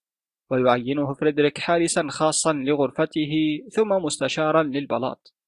تماما كما فعل روجر الثاني بجورج الأنطاكي ثم يكافئه على خدماته العديدة بمنحه لقب البارون وإهدائه ضيعة واسعة. وفي حكم الملك كونراد عين المورو حاكما لمدينة لوسيرا التي ولد فيها ثم أصبح كبيرا لأمناء ملك صقلية ولكن هذا الصعود من عبد حقير الشأن إلى منصب كبير أمناء الملك أودى بحياة صاحبه عندما وشى بالملك مانفريد لدى البابا فما كان من المواطنين العرب لشدة حبهم لهذا الملك وأسرته باعتبارهم حماة لهم إلا أن قتلوا ابن جنسهم جزاء لوشايته. ونال مثل تلك الحظوة بل جاوزها في البلاط الصقلي عربي آخر هو ريتشارد. وكان ريتشارد من خيرة المتعلمين الذين عملوا بالقضاء ووصل في ارتقائه لمناصب الدولة. لا إلى منصب كبير أمناء الملك فحسب بل إنه أصبح مستشارا للدولة مدة عشرين عاما. فمنذ عام 1212 ميلادي وقف إلى جوار الملك الشاب الذي لم يتجاوز الثامنة عشرة بعد يخدمه بإخلاص ويركب معه إلى ألمانيا ليحصل على ميراث أبيه ولا يتركه في أي رحلة من رحلاته أو حملة من حملاته الحربية. وبعد عودة القيصر من ألمانيا عام 1220 ميلادي تولى ريتشارد منصب كبير الأمناء. وفي الوقت نفسه تسلم منصب كبير الموظفين ثم منصب مستشار الدولة. وقد كافأه الملك بإقطاعه مساحات واسعة من الأراضي. وقد ظل ريتشارد يشغل تلك المناصب حتى وفاته عام 1239 ميلادي. ليخلفه من بعده في منصب كبير الأمناء المورو. ولقد صاحب ريتشارد فريدريك حتى في الحروب الصليبية ولم يكن ريتشارد هو الوحيد في ركب القيصر الذي ينتمي للكفار الذين على حد تعبير وعاظ الحروب الصليبية يدنسون قدسية بيت المقدس بسيطرتهم على الأماكن المقدسة. أكان في نية فريدريك وهو المحب للمسلمين أن يترك جنده العرب القادمين معه إلى عكا يرسلون بسهامهم إلى صدور إخوانهم المسلمين من جند السلطان إن لم يكن هذا في نيته فلماذا قدم بهم إذن؟ أهي لعبة سياسية ماكرة؟ أم أنه أراد أن يقوم بدور الأمير الشرقي وسط أمراء الشرق الحقيقة إن هذه الرحلة إلى الأرض المقدسة لم تكن بالمرة موجهة عن دافع ديني لقد كانت كما صرح هو لخلصائه من العرب رحلة ذات طابع سياسي وهي في معناها العميق تمس في الواقع نواحي حساسة من شخصيته. لقد قدم إلى عالم يكن له هو نفسه كل احترام وتقدير بل ويشعر نحوه بعاطفة تجذبه وبشعور من الامتنان عميق. ولم تكن السياسة وحدها هي التي دفعته إلى القدوم وإلى تبادل الهدايا إنما هي نزعة دفينة كانت تدفع بفريدريك إلى مسالمة مسلمي الشرق ومشاركتهم مجدهم وعاداتهم. فعندما زار القيصر بيت المقدس أمر السلطان الكامل من قبل المجاملة لضيفه المسيحي ومراعاة لمشاعره بألا يؤذن المؤذنون للصلاة من فوق المآذن طوال زيارة القيصر لبيت المقدس ويلاحظ فريدريك أثناء زيارته ذلك فيلتفت إلى القاضي شمس الدين الذي ناب عن الكامل في الترحيب به ومرافقته طوال زيارته ويسأله لماذا لم يؤذن المؤذنون للصلاة؟ وجاءه رد شمس الدين. إننا نعرف يا سيدي كيف نحترم زيارتك. ولكن فريدريك صديق العرب أجابه إنه لمن الخطأ أن تغيروا عاداتكم اليومية بسببي. وحتى لو كنتم تسكنون في بلادي لما احتجتم أن تفعلوا هذا. إنه لا يسعدني جدا أن أسمع صوت المؤذن يرتل آذان العشاء. لقد كانت هذه الرحلة لقاء بين ذكريات طبعت في ذهن القيصر منذ طفولته وبين صور من الحاضر يراها فريدريك بعين فاحصة ويستمع لهمساتها بأذن واعية لتحتل في الغد القريب في وطنه مكانها. وبقي فريدريك في بيت المقدس يومين فقط فقد ورغم هذا انتهز الفرصة لزيارة قبة الصخرة ثاني الأماكن المقدسة مكانة عند المسلمين بعد الكعبة. تماما كما فعل جده روجر الثاني الذي رأى ودرس كخبير كل ما شاهده في الكنائس والقصور. ويصف القاضي شمس الدين زيارة فريدريك لقبة الصخرة قائلا لقد رأى كل شيء بمنتهى الدقة فشاهد المسجد أولا عن بعد وأبدى إعجابه بعظمته ثم فحص بنفسه البناء المؤسس على الصخر وأبدى إعجابه بالمبنى عامة وبالمنبر خاصة. وعندما خرجنا أحاطني بصداقة وبشاشة بذراعه. فكانت خبرة فريدريك هذه بالمشرق بالإضافة إلى ما ورثه عن طفولته وأسلافه النورمانيين من حب العرب وتقديرهم هي العوامل التي رسمت لفريدريك طريقه في الحياة. قناة كتب عبد الباري الطشاني على اليوتيوب. الفصل الرابع. لقد بني على أساس عربي. على أن جميع المؤثرات الأخرى من إغريقية وبيزنطية ورومانية لم يكن لها في تشكيل اتجاهات ذلك القيصر مثل ما كان لتأثير ميراث النورمان وانطباعات الطفولة وأثر تلك الخبرات التي عاشها في الشرق. وبهذا تتحدث الأبنية العديدة التي شيدها سيد البناء فريدريك الثاني في كل أنحاء صقلية والتي زاد عددها على المائتي قلعة تعبر كلها عن قوة جديدة تهدف إلى التوحيد بين مختلف الحضارات. تستلفت الأنظار فيها بواباتها القديمة وتماثيلها وسقوفها ودقة فسيفسائها البيزنطية وارتفاع قبابها. ولكن الأساس الأصيل لفن بناء كل تلك القلاع والحصون بقي برغم كل هذا عربيا. وقلاع العالم الأندو جرمانية كانت تبنى كقاعدة عامة على هيئة مساكن دائرية الشكل تستخدم كسكن خاص للنبيل وعائلته فقط وكانت تقام فوق تل أو رأس جبل. وحول البرج الأصلي يلتفت على شكل دائري سياج خشبي فحفر فاستحكامات. أما القلاع العربية فكانت تبنى على خلاف هذا فمنذ الجاهلية الأولى قامت في جنوبي بلاد العرب حركة فروسية إقطاعية ازدهر معها فن بناء القلاع ولقد دامت قلاعهم التي بنوها من الأحجار الضخمة المتلاصقة بمعدن منصهر عدة قرون. ولم تكن تسودها الأشكال الدائرة بل سادت هنا الزوايا القائمة والمربعات. وأقام سادة اليمن وحضرموت فوق رمال الصحراء قلاعا ضخمة من الحجر المربع شاهقة الارتفاع. بلغ عرض حيطانها خمسة أمتار. ويحمي كل من جوانبها الأربعة برج هائل بينما تقوم في أسوارها عدة أبواب يحمي كل باب منها برج. وكانت القبيلة وجمالها وخرافها تجد في وقت الحرب في القلعة لها ملجأ. وفي القرن الرابع الميلادي نقلت شبه الجزيرة العربية عن الجنوب فن بناء القلاع وأخذته عنها بيزنطة. وترجع قلعة قصر الحير في سوريا بسورها الذي يبلغ طوله سبعون مترا وزواياها القائمة وبروجها ذات الأوجه الأربعة إلى القرن الخامس الميلادي. وعلى مقربة منها بنى الخليفة الأموي هشام عام 728 ميلادي قلعة عظيمة بلغ طول سورها 170 مترا وارتفاعها 28 مترا وفي كل ناحية باب يحميه برج.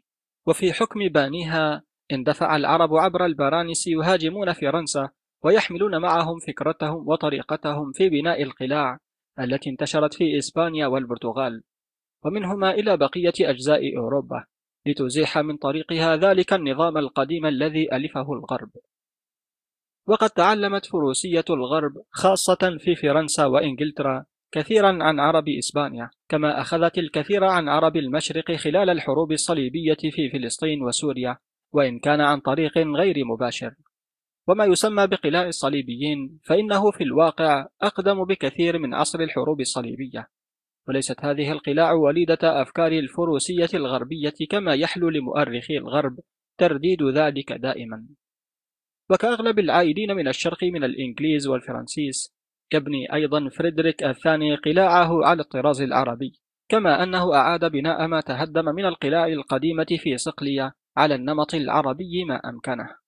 ولم يكد يرجع من بيت المقدس حتى وضع خطة بناء جديدة يشيد بمقتضاها شبكة محكمة من القلاع والحصون في جميع أنحاء مملكته. تساعده على حماية البلاد من الأعداء وتسهل عليه إدارتها. وهكذا تتشابه قلاع باري وتراني وبرانديزي بقلعة كوكا الأسبانية وبالباستيل الفرنسي لأنها كلها قلدت القلاع العربية.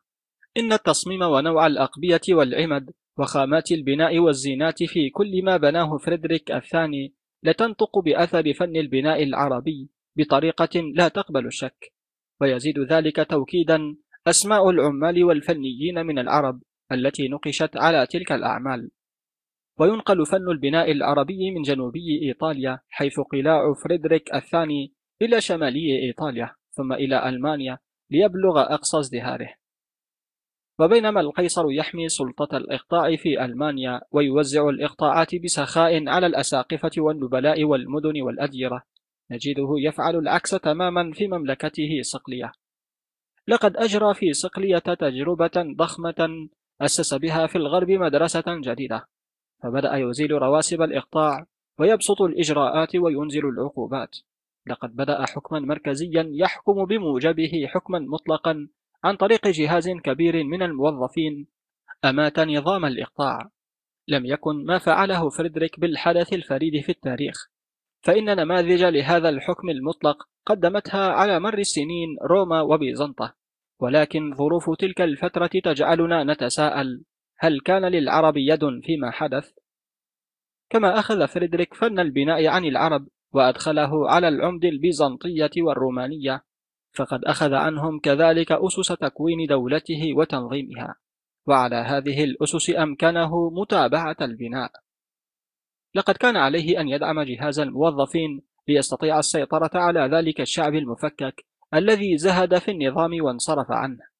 ولقد رأى فريدريك مثالا عمليا لسلطة الحاكم المطلقة في دولة الكامل وسهراته مع الأمير فخر الدين في خيمته قرب يافا لم تكن تتناول بالحديث الموضوعات الفلسفية فحسب بل كانت تتناول كذلك نظم الدولة وقواعد الحكم والإدارة. ومنحته خبراته مع العرب إيمانا عميقا بأن تنظيماتهم الإدارية في بلدانهم هي سر قوتهم فعول على أن ينهج نهجهم.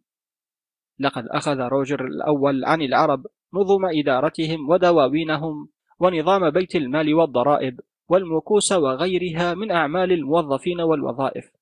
أخذ عنهم نظام الضرائب بتوزيعها المباشر وغير المباشر وطرق حصر الأملاك الأميرية وإدارتها.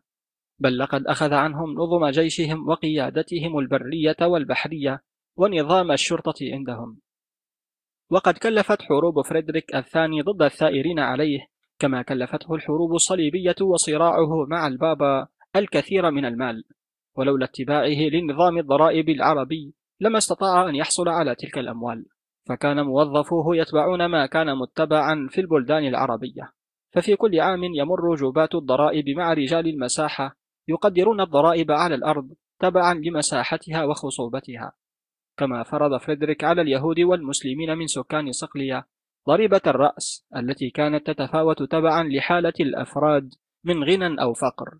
تماما. كما فرضها المسلمون في البلدان المفتوحة على من لم يدخل في الإسلام وبقي على دينه. وعمت في صقلية ضرائب العرب غير المباشرة على الاستهلاك والبضائع الكمالية كما ظهرت الاحتكارات والمكوس. فامتلاك الدولة للمعادن الخام المستخرجة واحتكارها لأنواع معينة من التجارة كالحرير مثلا كان حقا من حقوق الدولة العربية منذ القرن العاشر. ولقد تعلم فريدريك كل ذلك أثناء إقامته في الشرق ولم يكد يعود إلى بلاده حتى بدأت دولته في احتكار الملح والمعادن الخام والقطران والقنب والكتان وتجارة الحرير وصباغته وجعل الدولة تشرف على تجارة القمح. وأصبح نظام الضرائب والمكوس في دولة فريدريك الثاني مثالا للغرب يحتذيه صحيح أن النورمان قد أخذوا ذلك عن رعاياهم العرب ولكن فريدريك نظم كل شيء وقننه فبدلا من نظام المكوس الداخلية المليء بالثغرات الذي كانت تفرضه كل إقطاعية تبعا لمشيئتها وقوتها. أصبح هناك نظام الجمارك على الحدود فقط. ففي كل الموانئ وفي كل منافذ الحدود أنشأ فريدريك بيوتا حكومية على نمط الفنادق العربية وبالاسم العربي نفسه وجعلها تخدم المسافرين والتجار وتعد لهم مبيتهم.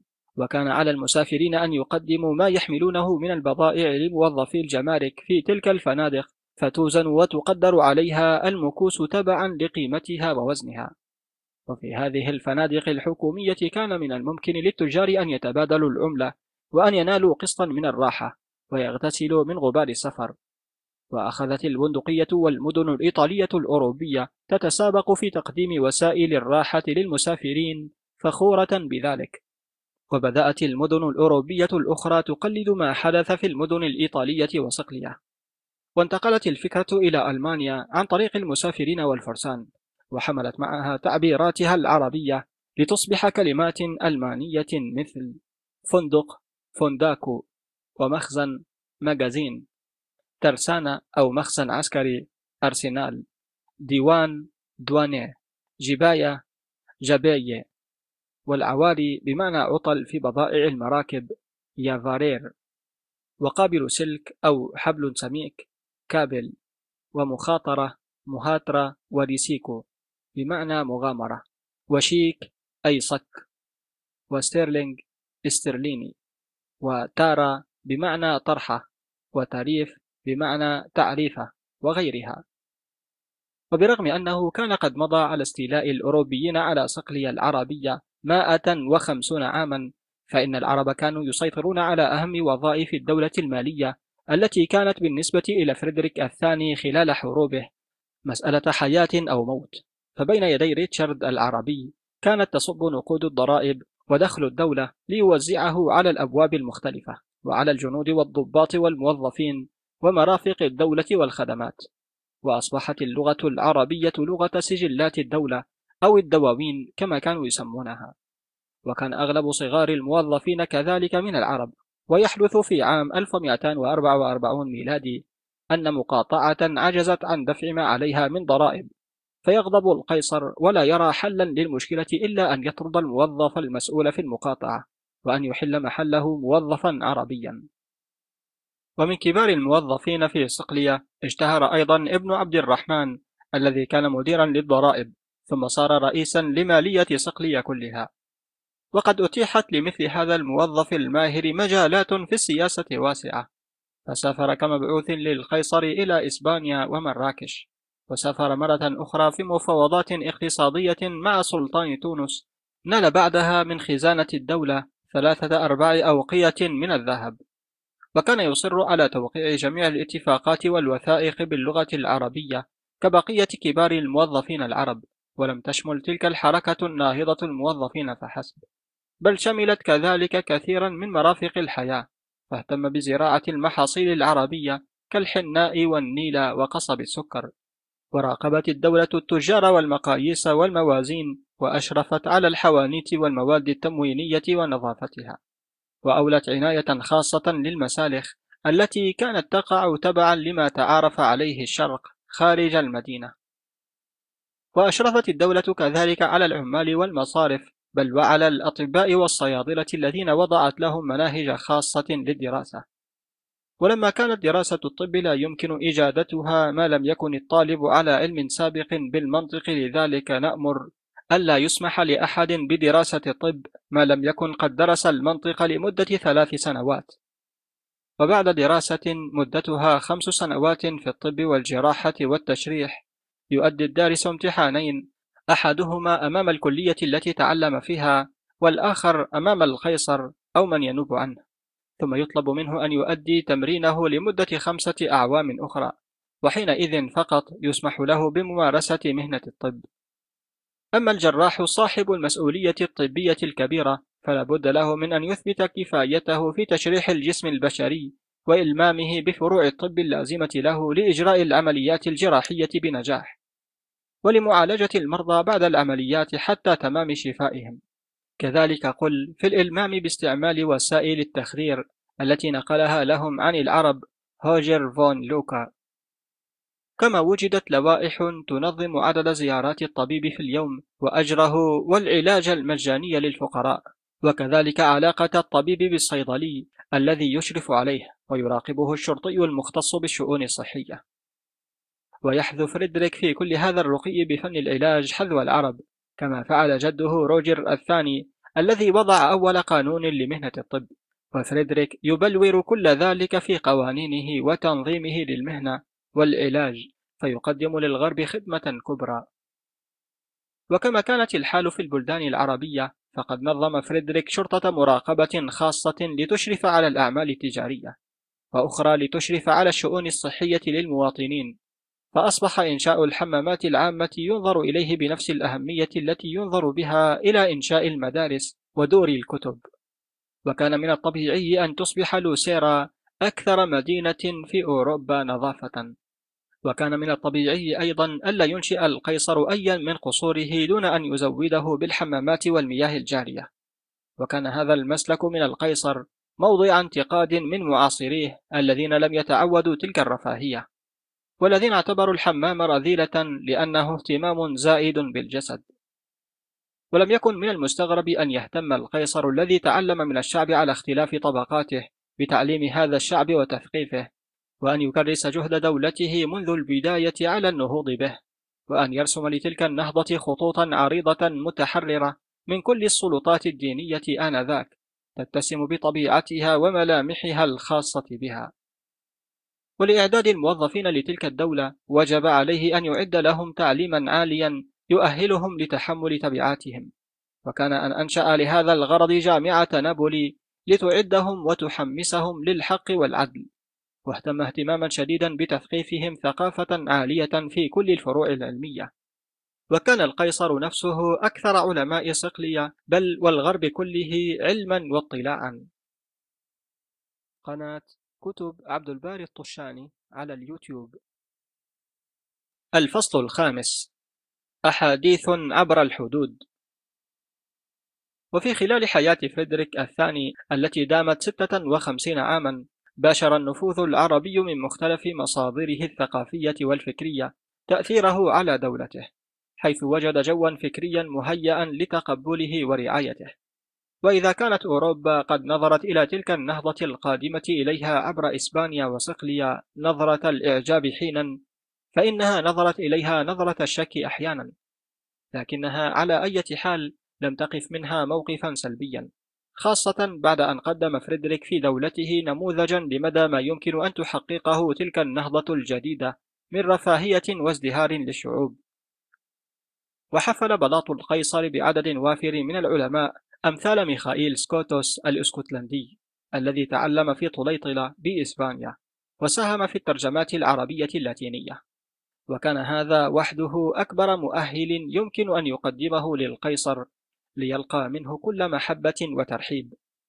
وبرغم سعة اطلاعه فقد ذهل عندما ناقش القيصر في بعض المسائل العلمية والفكرية. فلم يتمالك إلا أن يقول له سيد القيصر. لئن وجد بين البشر إنسان يستطيع أن يواجه كل صعب حتى الموت بكثرة علمه فلن يكون هذا الإنسان سوى فريدريك الثاني. ولقد ترجم ميخائيل عن ابن سينا كتاب الحيوان كما ترجم عن ابن رشد شروحه لفلسفة أرسطاليس. تلك الذخائر التي هزت العالمين المسيحي والإسلامي. وكان ابن رشد قاضيا وطبيبا وفيلسوفا قرطبيا وقد مات عن 72 عاما في بلاط ملك مراكش في نفس العام الذي تسلم فيه فريدريك الثاني وهو بعد في الرابعة من عمره تاج الملك في باليرمو. وابن رشد هو القائل أن الحركة خالدة ولكل حركة سبب وأنه لا زمن بلا حركة وإننا لا يمكن أن نتصور أن للحركة بداية أو نهاية. ويقدس هذا الفيلسوف القرطبي أرسطاطاليس ويرى أنه أبو الفلسفة كلها. وأن المرء يحتاج فقط إلى ضرورة تفهمه. ويرى ابن رشد على عكس ما اعتقد المسيحيون أن وجود المعرفة وتجسيمها قبل الرسول بمئات السنين وقبل نزول كلمات الله لا يمنع بالمرة تفسيرها ولا يتعارض مع العقيدة الدينية. كما يرى العربي التقدمي أن الخلق من العدم خرافة وأن العالم خالد خلقه الله وهو المنظم والمدبر للوجود. وهذا التدبير الإلهي يضيء المعرفة في روح الإنسان هل كان ابن رشد كافرا لا يؤمن بالله؟ ألم يعترف ابن رشد بوجود حقيقتين حقيقة تابعة من المعرفة وحقيقة صادرة عن العقيدة الدينية ألا يكون هذا إنكارا لخلود الروح؟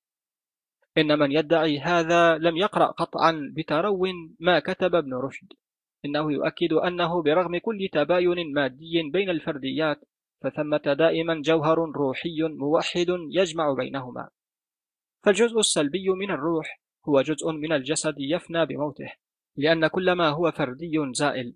أما الجزء الإيجابي الذي هو من الله وغير الذاتي فهو الخالد. إنه كالشمس التي تضيء كل الأنحاء والتي هي واحدة دائما وفي كل مكان. وهذا الجزء الإيجابي هو طريق اتصالنا بالله وهو خالد لا يموت. إن من لم يقرأ لابن رشد فاته أن يتعرف على الفلسفة العربية الأصيلة. وقد أثرت هذه الأفكار على القيصر فريدريك أكبر تأثير لتجاوبها مع ميوله ولأنها قبل كل شيء صادرة عن عالم لم يكن بالغريب عليه. ومن بين من اعتنق تعاليم ابن رشد وفلسفته توما الأكويني وهو ابن شقيق نوما الأكويني اللومبردي رسول فريدريك إلى الملك الكامل. ونائبه في بيت المقدس. وقد أراد توما الأكويني أن يكون كاهنا فزار جامعة نابولي وصار من كبار رجال الكنيسة واعتنق فلسفة أرسطاطاليس ومتبنيها ابن رشد بل ودافع عنها. وكان من المضحك أن يصبح ابن أكبر عائلة مخلصة للقيصر المتهم بالهرطقة أبا مقدسا للكنيسة وأن يكن لأرسطاطاليس وابن رشد احتراما كبيرا. وما إن عرفت جامعة باريس تعاليم ابن رشد حتى تأثرت بالفلسفة العربية وطريقة البحث العلمي فمهدت بذلك الطريق لازدهار الحضارة العربية. وأصبح بلاط فريدريك خاصة بعدما ترجمه ميخائيل سكوت مركزا لإشعاع الفلسفة العربية انعكست أضواؤه في كل جامعات أوروبا. كما انتشرت منه علوم الرياضيات والأرقام العربية في كل أنحاء الغرب بفضل مؤلفات ليوناردو البيزي صديق ميخائيل سكوت وضيف القيصر. وكانت أفكار ابن رشد بالنسبة إلى القيصر الشغوف بالعلم والبحث كالغيث صادف أرضا متعطشة. وكان وجود ميخائيل وتعمقه في العلوم العربية والإسبانية عاملا كبيرا في زيادة اهتمام القيصر بالعلوم والأبحاث العربية. فوجد القيصر في ميخائيل رفيقا عالما يلجأ إليه بأسئلته. ويكتب ميخائيل عن ذلك قائلا لقد دعاني القيصر إليه بصفتي أوثق علماء الفلك عنده وسألني بسرية تامة عما فكر فيه طويلا من أسئلة عن الكرة الأرضية وعجائبها. لقد أراد القيصر المطرود من الكنيسة أن يتعرف على العالم وكل ما فيه بعد جهل العصور الوسطى بعين ثاقبة تبغي تفهم كل شيء على أسس رياضية وترجع كل ما تراه أو تسمعه لأسبابه الأصلية. فيسأل ميخائيل مثل تلك الأسئلة ما هو عدد السماوات؟ وما هو حجم الأرض وما سمكها وما طولها؟ ما هو بعد السماء عن الأرض؟ هل يوجد عمق واحد للأرض أم أعماق متعددة؟ وإن كانت أعماقها متعددة فما هي المسافة بين كل عمق والذي يليه؟ إنها هواية جده روجر الثاني نفسها في قياس كل شيء وحسابه بالأرقام ورغبته في الملاحظة للوصول إلى الحقيقة. كما فعل عندما قام ليلا ليقيس طول أسوار نابولي ليعرف محيط المدينة. واستجاب فريدريك لفكرة الخلود سرا ولكنه لم يلبث بعد أن أعلنت الكنيسة طرده للمرة الثانية أن وجه استفساراته علانية وأرسلها إلى مصر وسوريا والعراق وآسيا الصغرى واليمن ومراكش. وقد أرسل فريدريك ذات مرة لسلطان الموحدين أسئلة لابن سبعين في سبتة للإجابة عليها. وكان ابن سبعين شابا مغرورا في العشرين من عمره يعتقد أن الفرنجة شعب همجي غير مثقف فأرسل للقيصر إجابة فيها صلف وتكبر ولم يأبه القيصر لهذا الرد غير المهذب بل ضحك وأمر بإرسال هدية له. ولكن الشاب العربي ردها ثانية ولم يقبلها. على أن هذا لم يكن إلا حادثا فرديا لأن علماء العرب وأمراءهم اعتبروا الإجابة على أسئلة ملك الفرنجة الشهير بعلمه شرفا كبيرا لهم. وشغف فريدريك بتبادل الأفكار مع الشرق برغم مشاغل دولته العديدة وكثرة مشاكله مع أعدائه. كما وجد لديه أيضا الدافع كما يرى بعض العرب في أن يختبر معلومات المسلمين. إن فريدريك أراد شريكا من نوعه هو يرى الأشياء على حقيقتها. وكانت علوم الغرب عاجزة على أن تشفي غليله فاقترب من العالم العربي مما جعله بتفكيره واتجاهه هذا غريبا على مجتمعه الغربي. إن ذلك الشعور بالوحدة هو الذي دعاه في يافا إلى توجيه الكثير من الأسئلة العلمية إلى العرب بغية كسب صداقتهم واحترامهم. وكلما ازداد عليه الغرب ضغطا وتجريحا زاد حنينه إلى العرب ورغبته في الانضمام فكريا إلى مدرستهم. ولم يتمالك فريدريك حين حضره الموت وقد أصيب في الصميم من خيانة أخلص الناس إليه أن يقول بحنين بالغ تمنيت أن أبقى في الشرق إلى الأبد لقد بحث فريدريك دائما عن أصدقاء جدد من العالم العربي الذي رفعه فوق أقرانه من معاصريه فكم كان سروره عظيما يوم استقبل وفودا عربية من دمشق أهدت إليه جهازا قيما لرصد الكواكب وحركاتها. ولم يكن سروره هذا لقيمة الهدية العلمية فحسب بل كان سرور من يلقى أحباءه الذين يسيرون معه في الطريق نفسه وأبقاهم لديه شهرا بعد شهر وقبل أن يسمح لهم بالرحيل احتفل معهم بعيد رأس السنة الهجرية وأقام لهم وليمة ضخمة لم يعرف الغرب قبل ذلك لها مثيلا. ولو استطاع فريدريك أن يبقي ضيوفه العرب دائما ببلاطه لفعل. ويكتب العرب عن وفود القيصر الوافدة إليهم فنرى من كتاباتهم كيف كانوا ينظرون بعيون عربية ثاقبة لرسل فريدريك. وينقل إلينا ابن أبي أصيبعة عن شاهد عيان يقول حدثني القاضي جلال الدين البغدادي تلميذ كمال الدين بن يونس قال كان قد ورد إلى الملك الرحيم بدر الدين لؤلؤ صاحب الموصل من عند الأنبرور ملك الفرنج وكان متفننا في العلوم. رسول وبيده مسائل في علم النجوم وغير ذلك. وقصد أن يرد أجوبتها كمال الدين بن يونس. فبعث صاحب الموصي إلى ابن يونس يعرفه بذلك. ويقول له أن يتجمل في لبسه وزيه ويجعل له مجلسا بأبهة لأجل الرسول.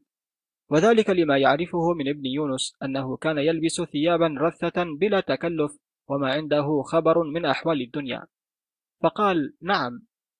حكى جلال الدين قال فكنت عنده وقد قيل له هذا رسول الفرنج قد أتى وقرب من المدرسة فبعث من الفقهاء من تلقاه فلما حضر عند الشيخ نظرنا فوجدنا الموضع فيه بسط من أحسن ما يكون من البسط الرومية الفاخرة وجماعة مماليك وقوف بين يديه وخدام وشارة حسنة. ودخل الرسول وتلقاه الشيخ وكتب له الأجوبة عن تلك المسائل بأسرها. ولما راح الرسول غاب عنا جميع ما كنا نراه. فقلت للشيخ يا مولانا ما أعجب ما رأينا من ساعة من تلك الأبهة والحشمة. فتبسم وقال يا بغدادي هو علم.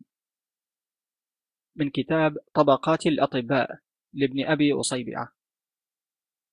ويكتب طالب آخر من طلبة أحد العلماء الآخرين في الموصل فيحدثنا عن المشاكل المتناهية في الصعوبة التي كان يستفسر عنها قيصر الفرنجة فيثير بذلك الخلافات بين العلماء العرب. وعلى الرغم من أن أستاذ هذا الطالب كان من الحاسدين لكمال الدين بن يونس وما وصل إليه من مجد علمي نجده يكتب من أعجب ما سمعت عن كمال الدين أنه في زمن الكامل أرسل الفرنجة إلى سوريا بأسئلة يرجون الإجابة عليها. كان من بينها أسئلة في الطب والفلسفة والرياضيات. فأجاب علماء سوريا بأنفسهم على الأسئلة المتعلقة بالطب والفلسفة ولكنهم لم يستطيعوا الإجابة على الأسئلة الرياضية. ولكن الكامل رغب أن يكمل الإجابات فبعث ببقية الأسئلة إلى معلمنا مفضل ابن عمر في الموصل. وكان حجة في العلوم الهندسية. ولكن ابن عمر لم يستطع أن يجد لها حلا وعرضها على ابن يونس الذي درسها حتى وجد الإجابة عليها. وكانت المشكلة أعطينا قوسا فوصلنا الوتر ومددناه والمطلوب رسم مربع على امتداد هذا الوتر تكون مساحته مساوية للمساحة المنحصرة بين القوسين والوتر. وأرسل ابن عمر الحل للملك الكامل. وعندما قدمت إلى سوريا وجدت العلماء هناك في دهشة بالغة يثنون على تلك الإجابة الرائعة التي كانت غير معروفة في هذا العصر.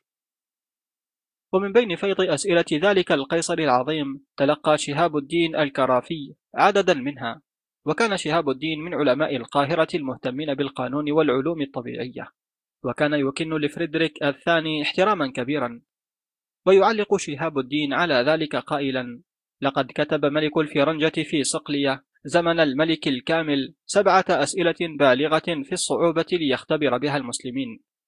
وقد علمت أن بعض الأسئلة قد أجيب عليه ولست أدري إن كانوا قد أجابوا على كل أسئلته أم لا.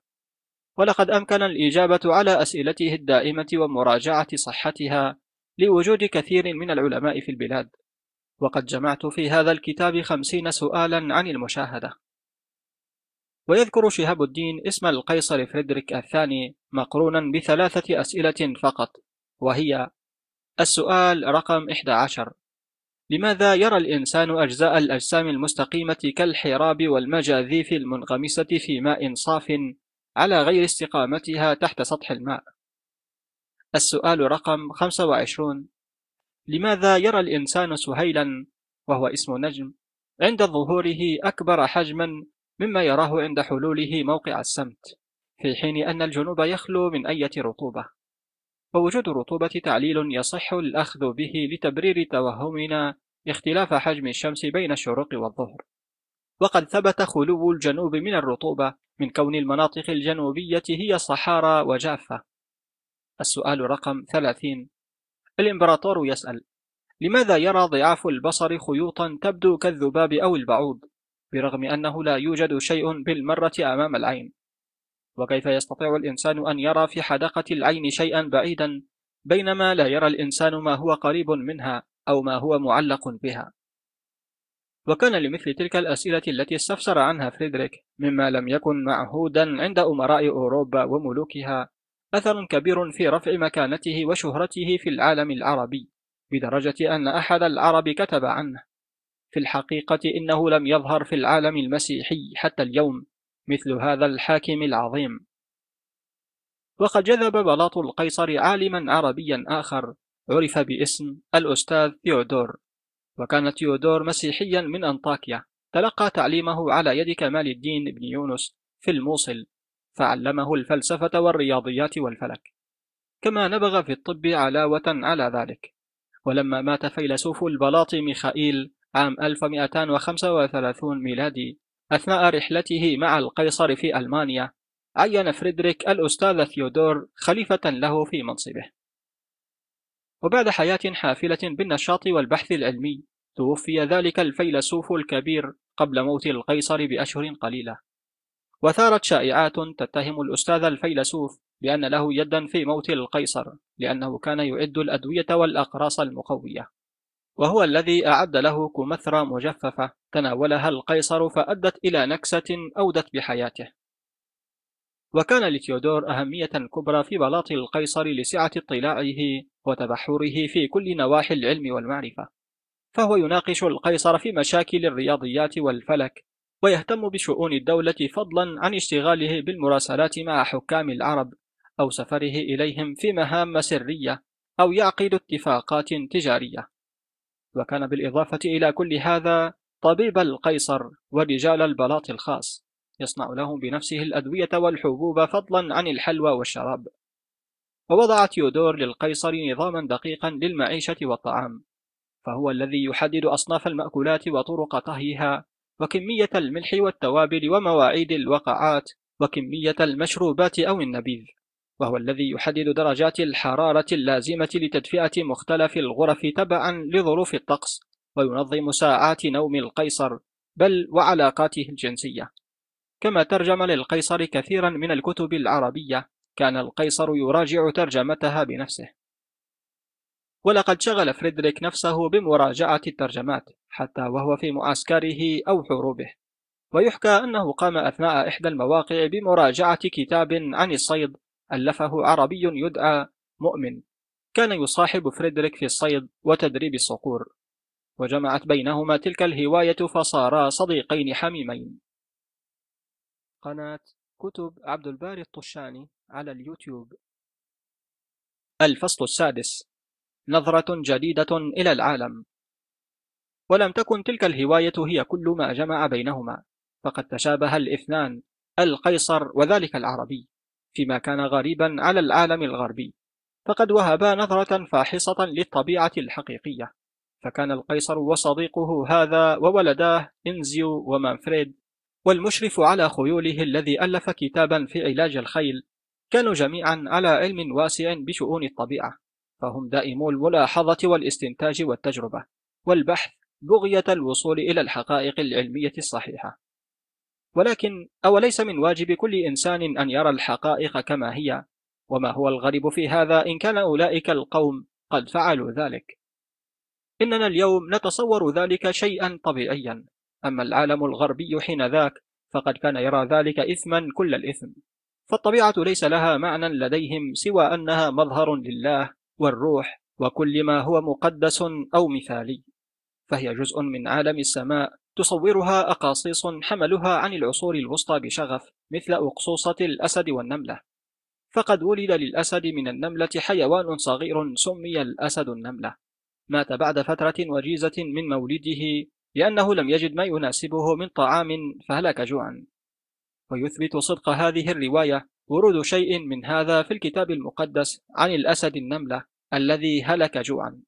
ولكون ذلك الحيوان ذا طبيعتين فإنه حينما أراد أن يأكل لحما منعته عن ذلك طبيعة النملة التي تشتهي بذرة الحبوب وحينما أراد أن يأكل بذرة من البذور غلبت عليه طبيعة الأسود. ونتج عن عدم إمكانه أكل اللحم أو البذور هلاكه. وهكذا يكون مصير الشخص الذي يريد خدمة الرب والشيطان معا.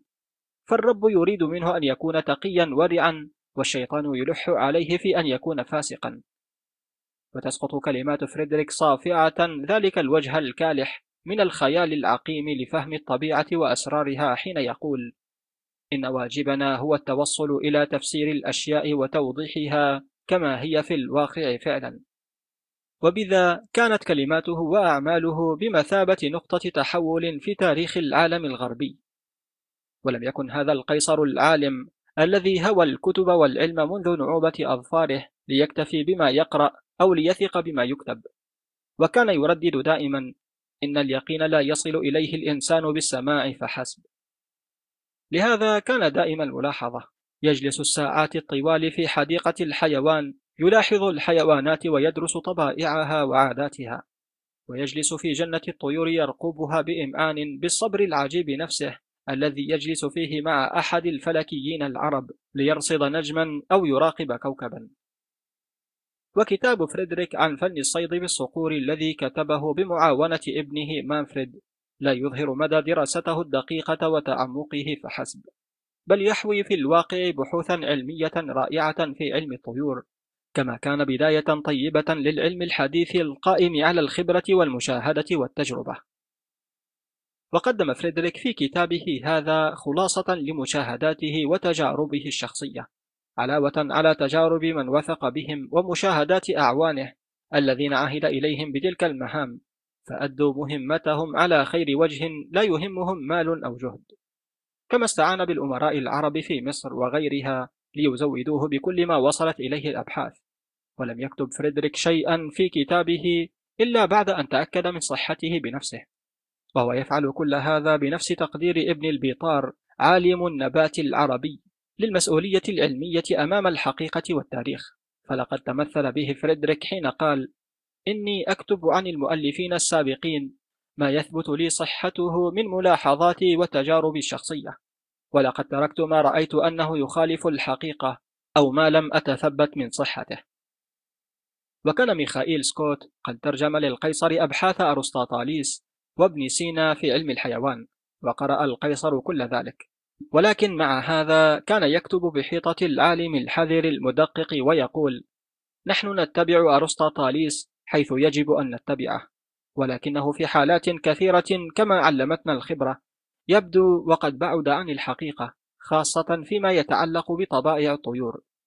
ولهذا لم نتبع أمير الفلاسفة في كل شيء لأن أرسطاطاليس لم يمارس صيد الطيور إلا نادرا أو هو كما يبدو لم يمارسه إطلاقا. أما نحن فقد عشقنا صيد الطير وتدربنا عليه الكفاية. إن هذا المنهج هو نفسه منهج المدرسة العربية. فكل شيء واضح لا يغلفه ضباب من الغموض ولا حجاب من ظلمة مقدسة. فالحقائق واضحة قريبة للأفهام لمن شاء أن يثبتها أو يعارضها بالتجربة والخبرة والمشاهدة. والجميع يقدرون المسؤولية العلمية قدرها ويعترفون مع هذا بعجائب نشأة الطبيعة ما داموا يجدون لذلك تفسيرا وهم يستبعدون من العجائب ما لا يتفق مع العقل ويحلون محلها التفسيرات القائمة على المسببات والنتائج. وتدرج فريدريك الثاني في المدرسة العربية فبدأ فيها تلميذا مجدا حتى صار أستاذا من أساتذتها. أزاح من طريقه كل ما يعترضه بعد أن عرف طريقه وهو لا يكتفي بالأخذ عن الآخرين. بل يخلق ويبتكر ليؤسس منهجا للعلوم الطبيعية الحديثة وهو يعتبر أول سلسلة من العلماء المفكرين نبذت خرافات العصور الوسطى وقالت النهضة الحديثة. أمثال ألبرتوس ماغنوس وروجر باكون وليوناردو دافنشي وفرانسيس باكون وغاليليو. بل هو حلقة الاتصال بين هؤلاء جميعا والفكر العربي لأن أغلبهم وخاصة روجر باكون وليوناردو دافنشي قد قامت أبحاثهم على أساس الأبحاث العربية. وهناك خط مستقيم يصل أولئك جميعا بالحضارة العربية على أساس الأبحاث العربية التي كان يزخر بها البلاط النورماني الصقلي ووساطة فريدريك الثاني بالذات. وكأني بابن البيطار ينطق بلسان فريدريك عندما كتب في علم النبات إن كل ما كتبته هنا يرجع إلى تجاربي وخبراتي الخاصة. أو من كتب للمؤلفين الذين نعرف تماما أن كل ما كتبوه هو ثمرة أبحاثهم الخاصة. وفريدريك لم يكتب عن النبات والحيوان وهو قابع في مكتبته. فلأول مرة في الغرب تجول كباحث بين الطبيعة تماما كما فعل العرب. وها هو يقول بهذا الصدد إن واجب علوم الطبيعة لا يقتصر على جمع معلومات الآخرين بل إن واجبها هو تعليل أسباب الظواهر الطبيعية. إن حضارة الغرب قد ولدت في صقلية وكان الأطباء المشرفون عليها هم العرب. وفي إمبراطورية فريدريك الثاني التقى الفكر العربي بالفكر الغربي وحقق هذا ما تنبأ به جوتفرد فون فيتربو للقيصر هاينريش السادس قبل مولد فريدريك. هذا الطفل سيصالح الشرق والغرب سياسيا لمدة وجيزة ولكنه سيوحدهم فكريا لمدة طويلة. ونتج عن ذلك الاحتكاك بين الشرق والغرب نظرة جديدة للعلوم الطبيعية أساسها التجربة والخبرة.